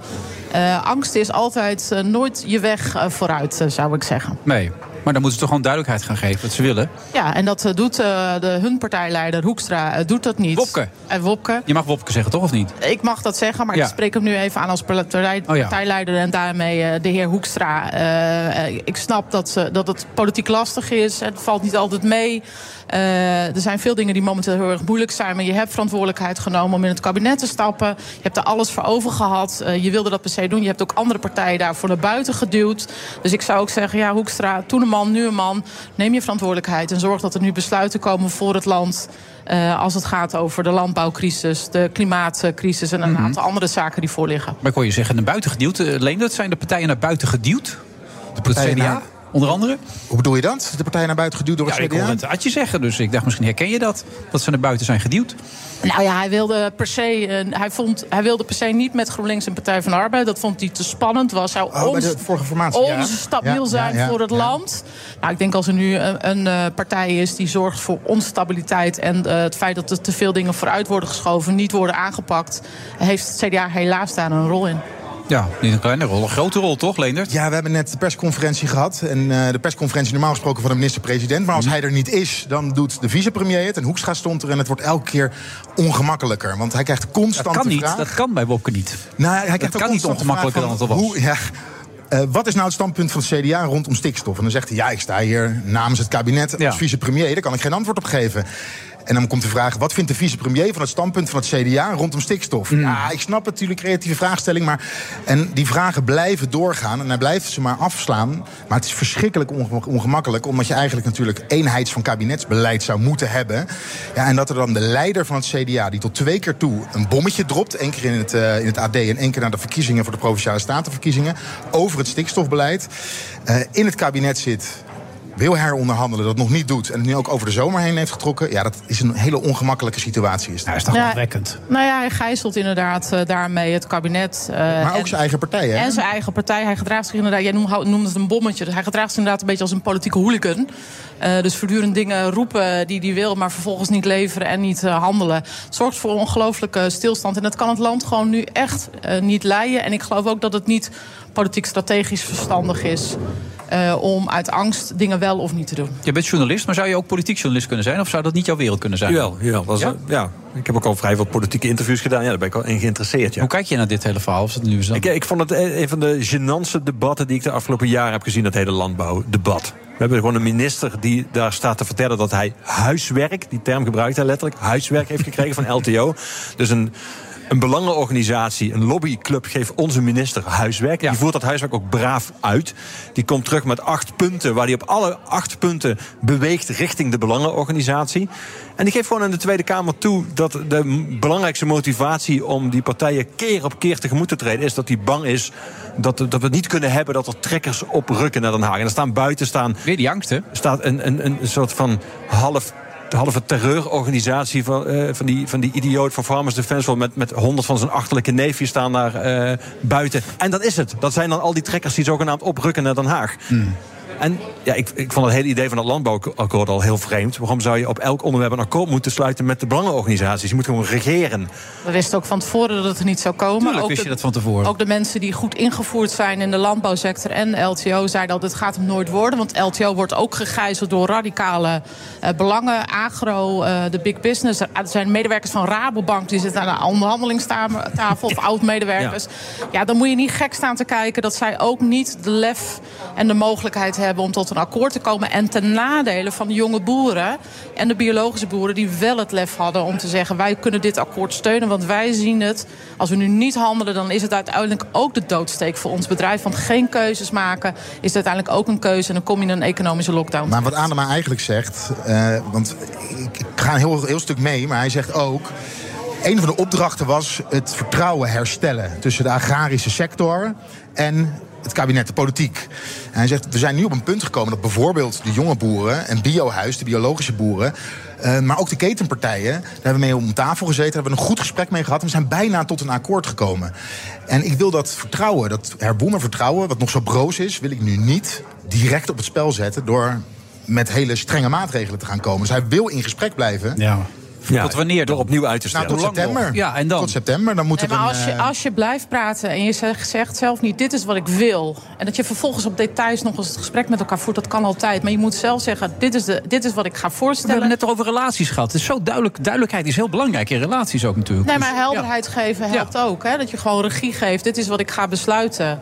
Eh, je bent welkom om mee te doen. Maar als jij dat niet aan kan, omdat je dat te spannend vindt of te ingewikkeld, heb ik daar ook respect voor. Maar je moet uiteindelijk eh, door. De Het is niet voor het eerst in de geschiedenis dat sectoren onder vuur liggen, dat het moeizaam is. Ik zeg niet dat het makkelijk is. Ik zeg ook niet dat het niet geen pijn doet. Maar echt is het het slechtste wat je eh, kan hebben. En bovendien, ik denk ook dat ze echt een half jaar aan het onderhandelen zijn geweest. Ja, maar de hele laatste de rode draad maanden. in het hele dossier is toch gewoon uitstel al jaren. Ja, het is de hele tijd vooruitschuiven, de hele tijd met een beroep op zogenaamd technologische innovaties. En de hele tijd ook die boeren voor de gek houden. Die worden gewoon gegijzeld door de Rabobank en door allerlei. Een keuze voor een boer in Nederland is of nog grootschaliger worden en dan nog nieuwe leningen aangaan of stoppen. Dat is waar je boeren in Nederland al jaren tegenaan lopen. Je blijft ze maar beloven dat het wel kan en dat het wel kan. En mevrouw Kuiken van de Partij van de Arbeid wil gelijk weer met de botte bel gaan hakken. Zit naast je, hoor. Wist Ja, je zit dat? naast. Nee, Mevrouw ik Kuiken. Gaat eh, iets spannends ja, zeggen, dus ja, daarom ik ik ga- wil even op afstand. Nee, want gisteren in het debat, er is nu geld vrijgekomen voor de transitie van het landelijk gebied. 24 miljard. En u zegt, nou haal er maar wat miljardjes vanaf als jullie niet tot een landbouwakkoord kunnen komen. 24 miljard is ongelooflijk veel geld. En ik snap dat je een uh, goudomrande regeling uh, maakt... op het moment dat je er samen uit kunt komen in een akkoord. Hè, dat, dat mag wat geld extra opleveren. Maar nu dat niet, niet zo is... er zijn ook bedragen uh, van 10 miljard genoemd... die er nodig zijn om de transitie mogelijk te maken. Ja, dan zeg ik, dan mag het wel een tandje minder. We hebben een woningbouwopgave die geld vraagt. We hebben een OV die verder verschraalt. De, de provincies hadden 6 ook... miljard die nodig is ja. om te zorgen dat mensen een beetje ro ja, rond kunnen komen. Dan zeg ik, als je er niet uitkomt op een, op een gezamenlijk pad... dan vind ik ook dat je moet regeren. Maar dan ook heel kritisch kijken in tijden van... Uh, van, van Wat nou, vind je daarvan, Leen? Dat vind ja, je geen goede, goede insteek dan? Nou ja, Gebeurt het tenminste wel? het net over, ja, maar goed, de provincies die, moest, die hebben ook huiswerk gekregen. Die moeten komen met hun gebiedsvisies. Hoe gaan we dat stikstofbeleid uitvoeren? Acht hebben nu hun gebiedsvisies ingeleverd. 15 miljard extra nodig. Mevrouw Kuiken wil ja, maar, dat afhalen. Ik... Wat denk je dat de boeren gaan doen als, als je er een paar miljard afsmeet? Ja, maar als mijn dochter onderhandelen wil over zakgeld... dan begint ze ook met 8 euro en dan eindigen we op 4. Dus dat snap ik Maar dit wel. was maar daar ben ik niet van gezegd is. Nee, maar daar ben ik niet van onder de indruk. Ik vind dat je veel kritisch moet kijken wat is er echt nodig... om tot die geld te komen. Die provincies hebben ook geldtekort. Dus dat ze dit gebruiken als vehikel om ergens te komen, dat snap ik. Maar 24 miljard uittrekken... en misschien in tijden dat er alweer gedreigd wordt met bezuinigingen... ik vind, dan mag je nog heel kritisch kijken... en misschien kan het dan wel een miljardje minder. Ja, maar hoeveel miljard een... minder dan? Ik zeg niet dat ik dat exact weet. Ik heb eerder bedragen gehoord van 10 miljard. Ik zeg niet dat is een verschil hoor, van 24 ik, naar 10. Ik zeg niet dat het daar naartoe moet. Maar ik heb wel tegen het kabinet gezegd... nu je er niet uitkomt, mag het misschien wat minder Maar 4 miljard, 5 miljard, waar zou je blij mee zijn dan? Ik, de, zulke bedragen, ik, heel eerlijk, ik heb die rekensom nog niet Ik hoor net die 6 miljard die nodig is om die minimumloon in ja, die Per jaar, hè, Wilfred? Mm. Dat is per jaar, dat is structureel geld. Dat is ja. nog eventjes een uh, grotere domper. Nee, ja. maar laat, laat ik eerlijk zijn, ik weet het niet exact. Ik heb alleen eerder gehoord dat het voor een veel lager bedrag kan. Dan mag ik ook van het kabinet vragen op het moment dat zij straks met Prinsjes... Wat is er nou een plan B of zo dan? Is er, heeft iemand een plan B? Dat we tenminste ergens naartoe kunnen kijken? Nee, nou, er alleen... zou een plan B zijn. Dat heeft Anema ook tijdens het vraaguur in mei toegezegd. Als het landbouwakkoord klapt, heb ik een plan B. Ja. Pietje Adema. Uh, ja, de heer, de heer Adema Ik zie hem komen. Gelijk Mark Rutte weer bellen natuurlijk. Waar is plan B? Nou, hij zegt dat Mag ik in die, in die saap van hem naartoe? Hij, hij zegt wel dat er een plan B is. Alleen, dat krijgen we pas te zien in september. We kregen, wij, ik vroeg erom, mag ja. het dan hebben? Wat is je plan B? En wat, of wat is je mandaat? Wat heb je concreet op tafel gelegd? Nee, dat was niet de bedoeling. Maar eigenlijk was dat dus verhullend taalgebruik... van we hebben niet aan een plan B uh, gewerkt... Nee. en we moeten nu nog aan de bak. Is toch tragisch als je dit allemaal hoort, Leo? Ja, dit hele, dit hele dossier is tragisch. Ik zou ernstig behoefte hebben aan een plan A. Ja, dat er een beetje ook kan aanpakken. een plan. Een visie. En allemaal jouw schuld, want jij hebt op CDA gestemd. Nou, ik voel me nu wel een beetje schuldig, heel gezegd ook. Terecht. Maar ja, goed, ik bedoel, ja. Zou dat het echt een groot verschil hebben gemaakt? Ja, Die ene stem, ja. ja. Ja? Dat zal het wel hebben gedaan. Uh, ondertussen ook, wat was ik nou ook weer? Geen uh, onderzoek meer naar de corona gebeuren, wat er allemaal gebeurd is. Dus even nu nee, allemaal... Het is, het is uitgesteld. Ja. ja. Het is eerst afwachten op het OVV-rapport, het derde. Uh, van uh, de Onderzoeksraad voor Veiligheid. En, en uiteindelijk als... wordt het helemaal afgesteld. Nou, dat is nog niet gezegd. Dat is nog niet nee? gezegd. Maar achter de schermen horen we natuurlijk wel dat uh, er is een voorbereidende commissie geweest. Daar zat ook Van Haga zat erin, Van Houwelingen, van Forum voor Democratie. Uh, en dat zijn natuurlijk zijn heel kritisch op het coronabeleid. En het ging niet lekker in die voorbereidende commissie. En uiteindelijk willen VVD, D66, GroenLinks en CDA... willen nu wachten op het OVV-rapport... om dan te kijken, gaan we verder met uh, de voorbereiding voor de Die waren niet kritisch op het coronabeleid. Die ontkenden dat corona bestond. Dat lijkt me niet de meest geschikte mensen om zo'n commissie... de toon van zo'n commissie mee te zetten. Ja, maar goed, het is, uh, we hebben een volksvertegenwoordiging. Daar zitten zij ook in. Die mag je gewoon aanmelden voor zo'n parlementaire enquête. Dus ja, zij mogen ook meedoen. Zo simpel is het. Komt hij ja. er uiteindelijk wel, denk je? Ja, ik denk wel, en ik weet niet hoe mevrouw Kuiken daar naar kijkt... maar dit is zo'n gevoelig onderwerp in de samenleving. We hebben ook eh, een, een hoorzitting gehad van een ronde tafel... over de weerbaarheid van de democratie. Uh, en uh, de AIVD zei ook, de coronatijd heeft mensen heel sceptisch gemaakt naar de overheid toe. En op het moment dat je dan, ook al is dat niet, dat is niet heel Nederland, maar op het moment dat je dan zo'n belangrijke enquête niet gaat doen, ja, dan ga je dat verder voeden. Ik denk dat het heel onverstandig is om die enquête nu uh, te staken. Toch? Ja, hè? Uh, een paar dingen.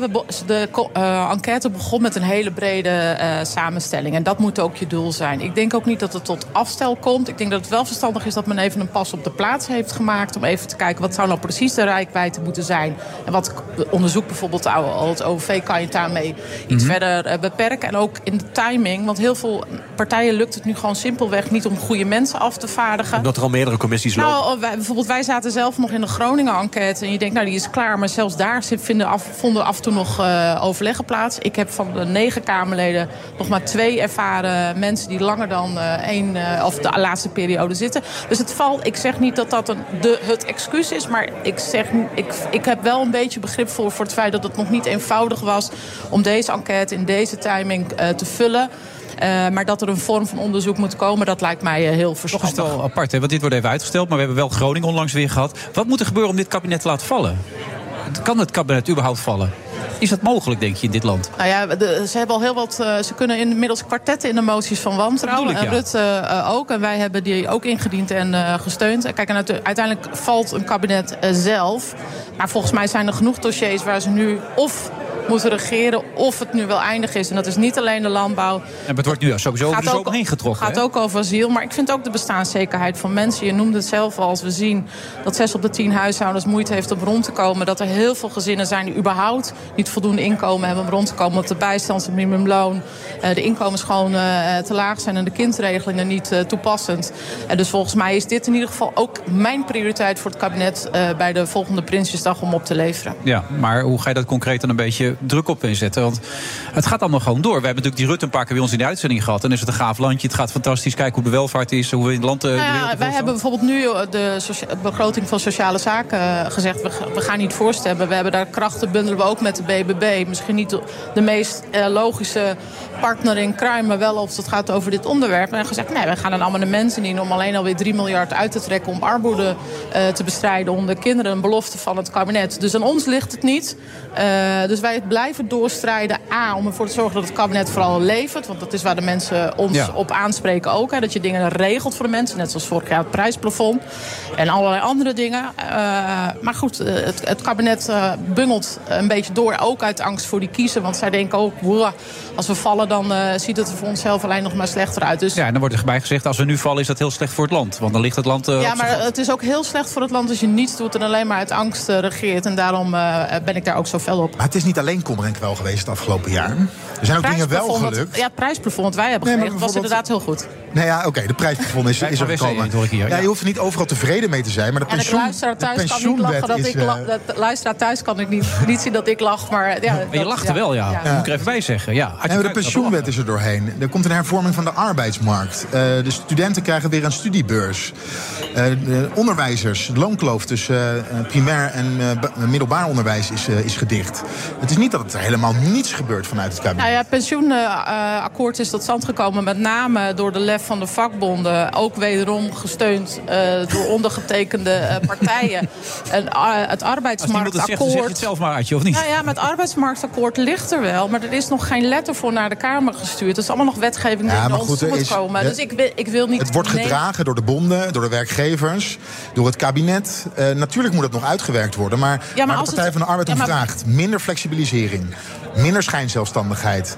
eh, en meer vaste contracten, dat staat er allemaal Ja, maar ze belooft, belooft ons ook een landbouwakkoord. En wat hebben we? Niks. Dus ik heb niks aan mooie woorden. En, hebben, en of ik er nou wat in heb, maakt nog niks uit. Maar het feit dat mensen thuis gewoon niet voelen... of ze dat inkomen al hebben, dat ze niet rond kunnen komen... wat hebben we dan aan mooie eh, beloftes? Daar grossieren we in. Het stilstand in het land is al jarenlang eh, heel erg eh, groot. Ik ben wel klaar met wachten. Maar ik denk vooral de mensen waarvoor ik het doe... als, als, als partijleider, vooral denken van het is wel mooi geweest. Ik, heb, ik koop er niks voor, letterlijk niet. Inflatie is nog steeds torenhoog. De energierekening... Ik vond het wel leuk, wil ik het eigenlijk met u nog even over hebben, over de inflatie. Want ik hoorde u ook zeggen, kijk, dat geld voor de landbouw wordt geleend. Nou heeft, eh, zeggen economen en ook de Nederlandse bank... stop nou met vanuit de overheid zoveel geld in die economie pompen. En ik hoorde u gisteren zeggen... dat geld dat we geleend hebben... moeten we weer gaan uitgeven voor mensen die niet rond kunnen komen.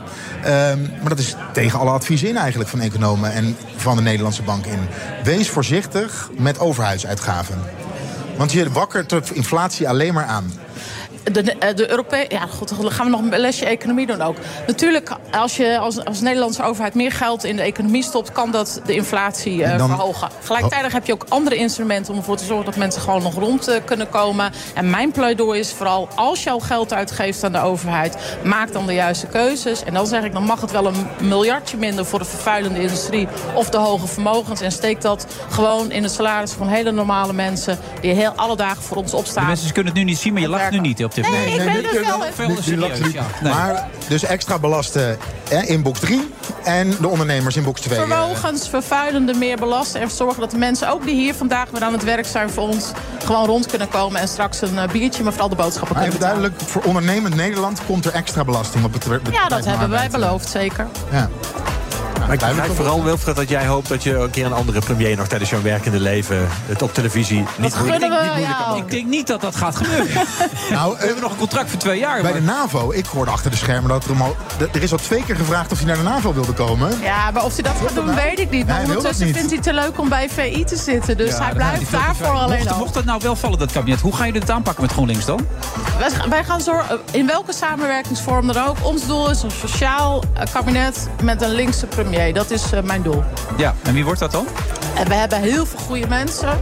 Eh, en eh, jij mag die personen uitnodigen in je volgende uitzending. Ja? Ja, Frans Timmermans gaan we dan uitnodigen. Frans Timmermans? Ja, dat zal toch de volgende... paus? Dat zal toch de volgende... als het We hebben heel veel goede mensen, dus dit is er één van, klopt. En ja, GroenLinks wil ook iemand natuurlijk naar voren schuiven dan, toch? Of... Ja, maar wat je ziet, wat drie jaar geleden nu Frans Timmermans met de Europese verkiezingen heeft gedaan. Als je dat ook nationaal kan. En dan ben je gek als je Frans Timmermans, hè, dus de periode loopt af over een jaar, niet naar, eh, naar Den Haag gaat. We gaan het zien. We hebben in ieder geval één eh, fan en eh, misschien nog wel meer hier aan Een analist. Frans Timmermans komt uit Zuid-Limburg, dus geen kwaad woorden voor Frans Timmermans. Oké. Nou, dan laat ik het hierbij. Adje, goed dat je er was.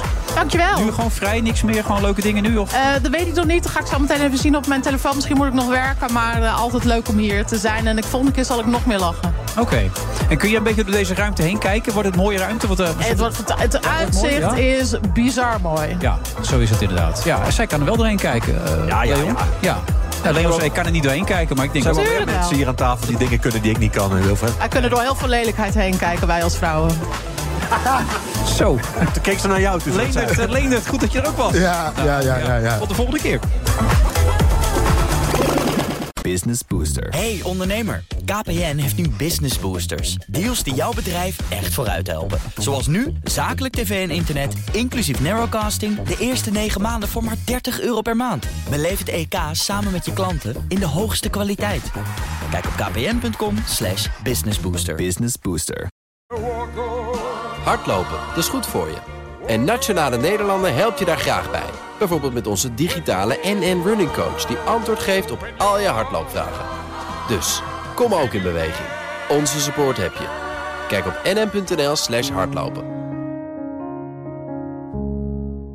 De Friday Move wordt mede mogelijk gemaakt door TUI en Otto Workforce. Our people make the difference.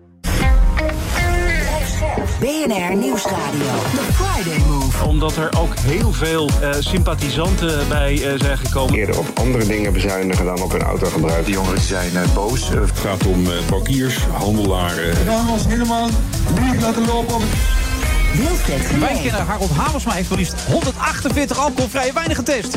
Wat een grote periode.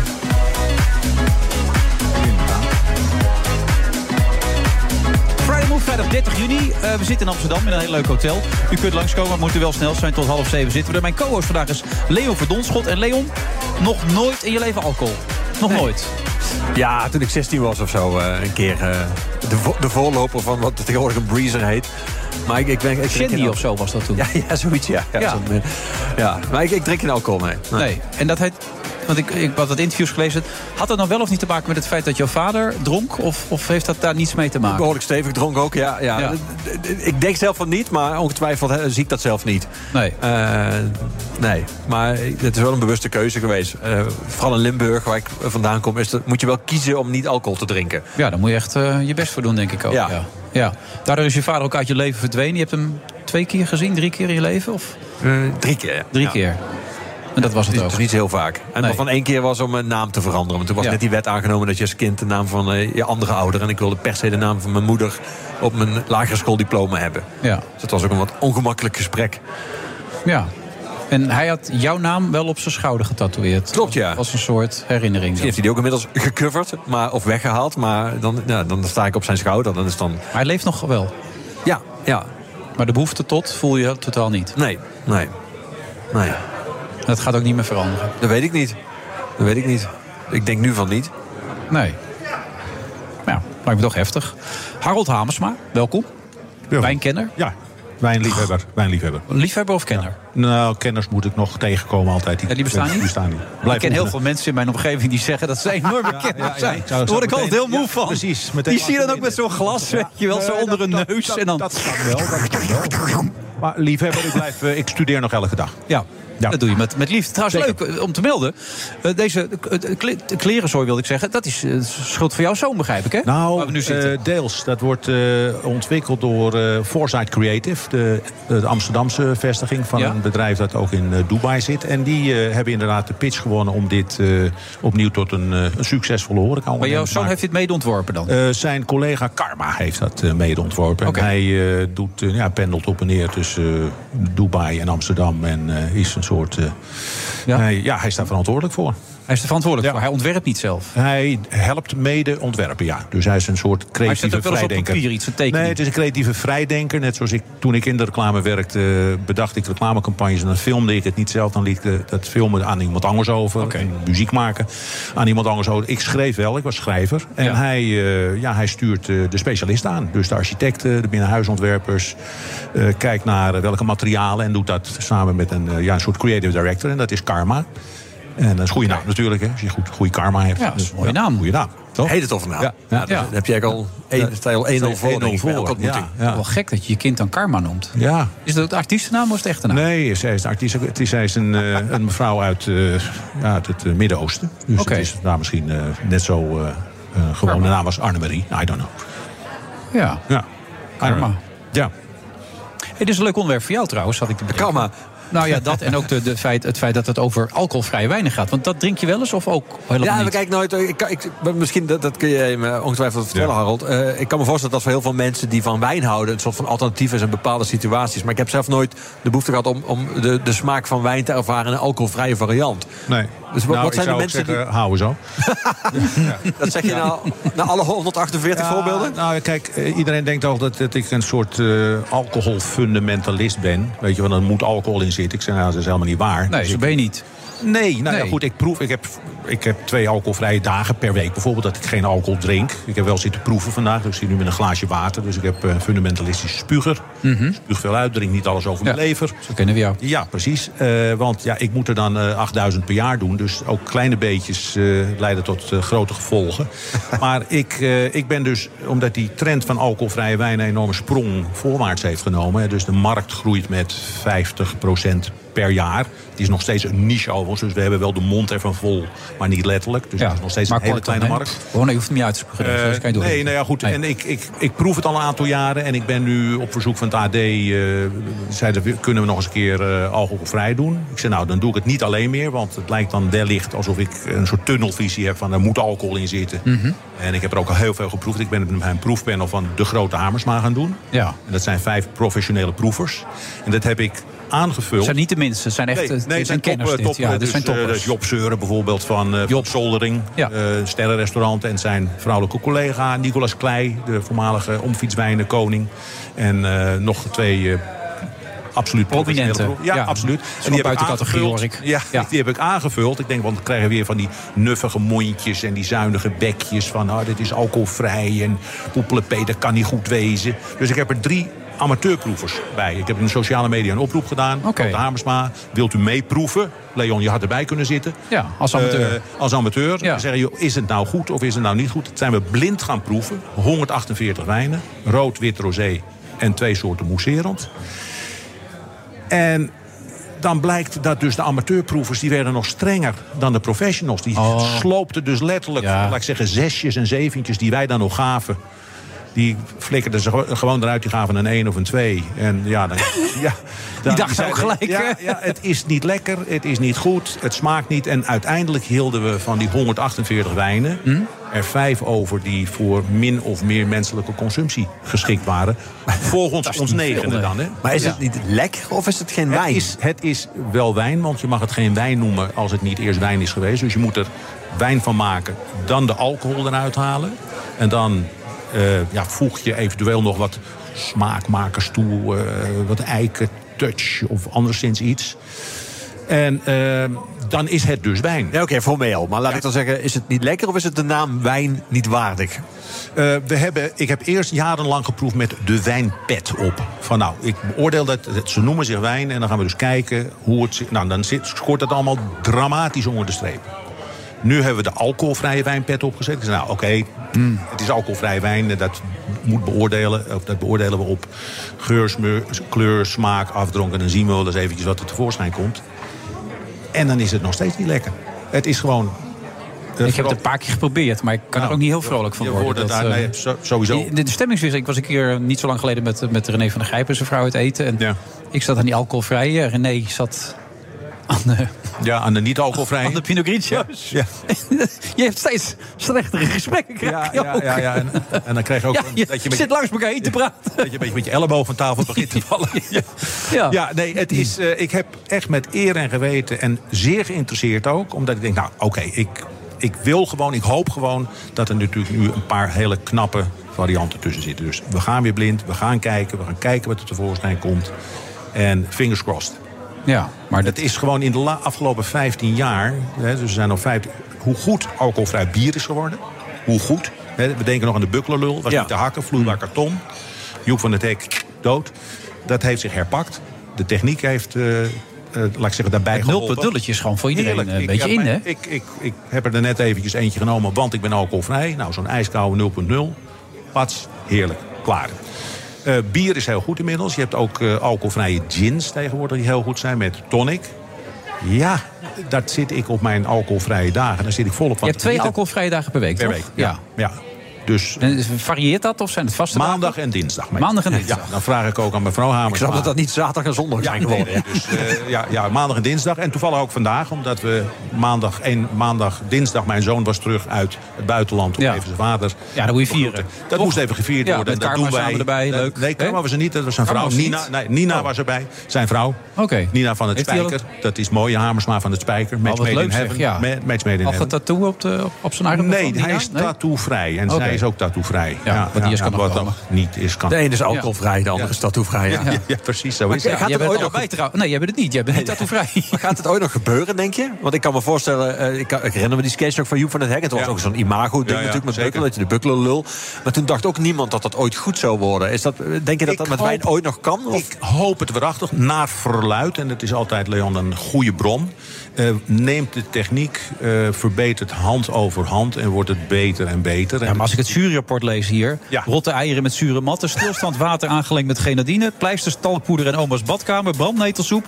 lauderiedrop in afwaswater, dat is niet bemoedigend. Dat, is niet was- dat je denkt, dat nou, wordt wat. Dat kan je ook gebeuren bij gewone wijnen, bij wijze van spreken. Maar het was in dit geval is het altijd leuk om dit soort dingen nog eventjes eh, eruit te lichten. Ja. Dat was inderdaad niet best. En degene die ja, wel voor menselijke consumptie geschikt waren... dat waren magere zeventjes, zullen we maar zeggen. Maar je, je, hoeft, je hoeft het niet uit te spugen, maar je spuugt het gewoon Je uit. spuugt er wat plezier uit, ja. Oh ja. ja, Maar ik, De staatssecretaris Maarten van Ooyen wil die, die, die sportkantines enzovoort... wil Ja. die dat gewoon eh, allemaal die alcohol eruit en zo. Dus die 0.0'tjes, dat zou nog kunnen gaan werken. Eh, nou ja, 0.0, eh, laat ik zeggen, op biergebied, daar hebben ze sowieso niet te klagen. Nee. En ja, van wijn, ja, het mousserende segment, dat is meestal nog wat aardiger dan het stille Ja. traject. Dus eh, nou ja, misschien wordt dat het. Maar ik zou, ik, eh, ik, ik, ik, ik ben er nog niet aan toe. Laat ik het Oké. zo. En ik doe mijn best. Zie je dat gebeuren trouwens, dat in die voetbalkantines al dat bier eruit gaat? Dat gaat dan nooit lukken. Hoezo denk je dat onder de toonbank verkocht wordt of zo? Of je? Nee, maar ik bedoel, ik bedoel, dat gaat gewoon niet gebeuren. Kan ik me niet voorstellen. Nou ja, alles wat de verboden vrucht is, hè, dat weet je van als je kinderen verbiedt om dit, dat of zus of zo te doen, dan gaan ze het nog extra doen op eh, geheime plekken. Dan gaan mensen zich indrinken en wat dan ook. En net zoals het idee om de accijns enorm te verhogen. Dat is een, laat ik zeggen, dat hebben ze al getest eh, een paar jaar geleden in eh, Scandinavië. Toen hebben ze dramatisch de accijns verhoogd. Nou, in Finland ging de consumptie van alcoholhoudende producten met 2% omhoog. In Noorwegen met 7% en in Zweden met 16%. En het aantal binge-drinkgevallen nam toe. Dus of accijns verhogen dan de toekomst is in deze... Ik vrees met grote vrezen. Dus, Tegelijkertijd in Engeland is de suikertax destijds ingevoerd. heeft er juist voor gezorgd dat veel minder eh, calorieën werden binnengehaald. Nou, dat vind ik, je zou als je het hebt over alcohol is zo slecht enzovoort. Hè, het is gebruik het, niet misbruiken. Dat is natuurlijk altijd het gegeven. Eh, ik zou liever inderdaad, eh, ik heb het laatst ook nog eventjes eh, mogen verkondigen. Ik zou liever inderdaad een, een verbod of een, ik zeg eerder zou je suiker moeten verbieden. Of dat zwaar moeten taxen. Dan dat je het met alcohol doet. Omdat suiker, ik bedoel een derde van de mensen hier is, leidt aan overgewicht. Hart- en vaatziekten. Door vet, suiker. Maar alcohol dat bungelt daar ergens onder. Ja, je hebt verstand van veel dingen, Harold. Hè? Eh, cijfers, ik hou van cijfers. Ja, misschien kunnen we je een keer voor iets anders uitnodigen. Nou, ik eh, kan niet Economie, wachten. politiek. Ja, ik- en om Ja. dat even te duiden. Ja, Ja, je. Hilterman. Ja, een beetje dat werk, ja. Goedenavond, dames en heren. Ja, kan toch geen kwaad? TV-recensie. Die heb je zelfs paraat. De, de Hilterman-imitatie. Goedenavond, dames en heren. Nou, ik zat ook aan de, aan de, aan de ether, aan de, aan de radio gekluisterd. Een aankondiging voor 12 minuten en dan pas zei hij... Goedenavond, dames en heren. Dankjewel, Harold. Ja. Tot de volgende keer. Dankjewel, Ruben.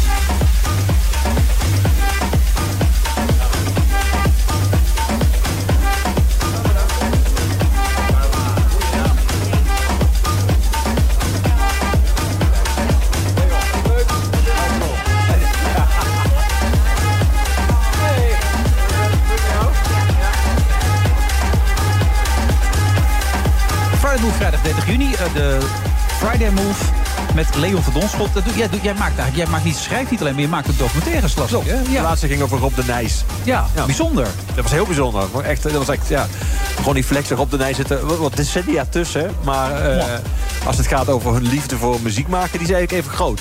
Ja. Heb je dan nu nog contact met Rob of is dat dan helemaal weer Af en toe via Jet, via zijn vrouw. Ja. Ja, hij heeft natuurlijk een moeilijke periode gehad. Heeft in het ziekenhuis gelegen. eh, maar gelukkig is hij weer thuis. En eh, bij zijn, bij zijn eh, kleine zoontje, bij Julius. Ja. En, en waarom had jij ervoor gekozen? Omdat er zelf, eh, of werd je ervoor gevraagd? Nee, heb ik zelf voor gekozen. Zeker, dan heb ik een jaar, dat was voordat Rob de Nijs weer eh, door iedereen het voorkomen terecht in de armen werd gesloten. Ik heb een jaar moeten leuren met die, met die film. Omdat eh, hij in eerste instantie was afgewezen door de publieke omroep. Omdat het argument was van ja, maar die man schrijft zijn teksten niet zelf. Terwijl ja, dat deed Elvis Presley ook niet en dat deed Frank Sinatra ook niet. En Rob de Nijs is juist interessant dat een deel van die tekst wordt geschreven door zijn ex-vrouw. Wat een enorme interessante dynamiek. Meldijk, ja. En goede tekst ook nog. Hele goede tekst. En af en toe laat ze hem dingen zingen die zij vindt van hem. En die moet hij dan zingen in haar woorden. Dat is natuurlijk ja, psychologisch wel een vrij interessant procedé. Eh, Dus dat heeft even geduurd. Maar ik, eh, ik heb gelukkig eh, ben daar vrij vast, vasthoudend in geweest. Want ik echt geloofde dat er een hele bijzondere film in die man zat. En volgens mij is het ook gelukt. Ja, denk ik ook. Ja, ik ben enorm fan van Rob de Nijs. Al mijn hele leven, dus dat is heel bijzonder. Ja, nog steeds prachtige stem. Ja, en geweldige nummers ook. Zeker. Verleden is verboden. Ehm, eh, wat maakt een documentaire goed? Dat kan van alles zijn. Eh, hij kan eh, stilistisch heel mooi zijn. Hij, kan- eh, dus heel, hij kan heel mooi gedraaid zijn. Hij kan een enorm emotionele impact hebben. Hij kan iets aantonen wat je nog niet wist. Ik, ik ken vrij veel documentaires die ik heel goed vind om hele verschillende redenen. Sommige documentaires hebben niet echt een point, maar die zijn gewoon prachtig om naar te kijken. Net zoals sommige speelfilms dat hebben, omdat ze gewoon stilistisch heel erg de moeite waard zijn. Dus dat kan, dat kan van alles zijn, vind ik. Nou, Jessica Valerius weet daar als geen ander wat van. Wat maakt een documentaire in jouw ogen goed? Eh, Ja, het ligt eraan of ik hem maak of dat ik hem zelf kijk. Eh, Hmm. als, ik, eh, als ik hem maak, vind ik het altijd heel belangrijk om iets aan te tonen wat mensen nog niet wisten. Of wat toch anders is dan dat het grootste gedeelte van de maatschappij misschien denkt. En als ik hem kijk, vind ik het heel leuk om wat Leon ook zegt, naar stilistisch heel mooie documentaires te kijken. Dan kijk ik dus vaak ook niet naar zware kost, omdat ik daar al dagelijks mee bezig ben. Dus dat, ja, dat is voor mij wel een, een, een verschil, ja. Wat, wat was het uitgangspunt bij deze documentaire die je hebt gemaakt? Zitten en zwijgen over alle misbruik en alle misstanden in de, in de vrouwengevangenissen? Wat, wat was je streven? Ehm, nou ja, om aan te tonen hoe structureel het is. Eh, we hebben eerst onderzoek natuurlijk gedaan. Want ik, eh, wij kregen die meldingen binnen. En ik dacht, ja, maar dat kan toch niet? Hmm. Ge- gebeurt dat serieus in Nederland? Want ik kom in heel veel buitenlandse gevangenissen. En ik kom daar heel vaak eh, naar buiten met het idee... nou, god, dat, dat hebben wij in ieder geval wel goed geregeld in Nederland. Maar al heel vroeg in het onderzoek kwamen wij erachter... dat ja, dat het topje van de ijsberg was. Dus toen zijn we die documentaire maken. Wel met het doel ook om te laten zien hoe wijdverbreid en eh, ja, systematisch het is. En dat het eh, zeker geen geïsoleerde incidenten zijn. Nee, wat, hoe systematisch en hoe wijdverbreid is het dan? Wat gebeurt er allemaal in die gevangenissen? Ja, het, het, het is eigenlijk het hele spectrum van machtsmisbruik. En dat gaat van eh, pesten, kleineren en het onthouden van ehm, eh, rechten, maar ook van privileges die je dan moet verdienen hè, in de gevangenis. Tot aan eh, seksueel misbruik, aanranding, verkrachting, eh, dreigementen. Ja, het, het hele spectrum is vertegenwoordigd. Ja.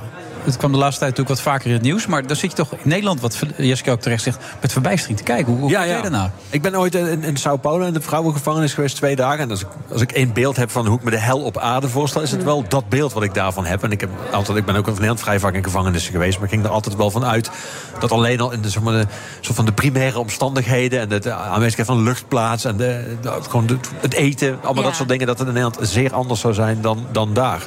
En die in Sao Paulo is ook wel echt heel erg. Het is echt verschrikkelijk, ja. Ja. Maar goed, ik heb deel 1 gezien van jouw documentaire. En uiteindelijk Mhm. eh, zien we die advocaten vertellen... dat de directie heeft aangegeven dat het natuurlijk allemaal verzonnen is... door deze dames. Nou, ni- niet met zoveel woorden, maar ze ontkennen het. Ja. Ja. En, ehm, Ze eh, zijn niet bereid om interviews te geven. Je hebt op allerlei Nee. manieren betracht... de directeuren van de drie vrouwengevangenissen voor de camera te krijgen. Ja, nou, ze hebben zich toevallig gisteren wel gemeld. Oh, kijk aan. Ja, duurde even, maar...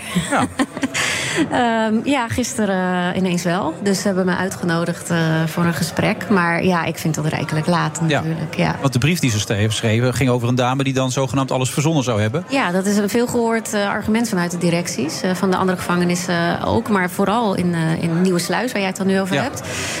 Ja, om die vrouwen weg te zetten als leugenaars. Ja. En dan kan je natuurlijk helemaal niks binnen. Want ja, als ze dat zeggen, dan houdt het snel op natuurlijk. Want even de ernst van de manier waarop met mensen wordt omgegaan. Er worden heel veel dames aan het woord gelaten. Ja. Die, ehm, nou ja, er komen ook gewoon bewakers opeens binnen. Die trekken de deur Ja. open en die betasten ze enzovoort. Hoe gaat dat nu verder? Wat, wat, wat, wat, als dat dus nooit geconstateerd is, blijkelijk. Mhm. Hoe gaat dit nu verder, denk jij? You tell me. Ik wil het ook graag weten. Maar Ja. tot, voor- eh, tot, tot nu wordt er weinig aan gedaan. En eh, ze zeggen dat ze er van alles aan doen en dat ze onderzoek gaan verbreden. Maar ik denk, ja, volgens mij is het helemaal geen raketwetenschap. Eh, volgens mij moet je gewoon nieuwe systemen installeren met kaarten of druppels. Zodat je precies weet wie, wanneer, hoe lang die deur open doet.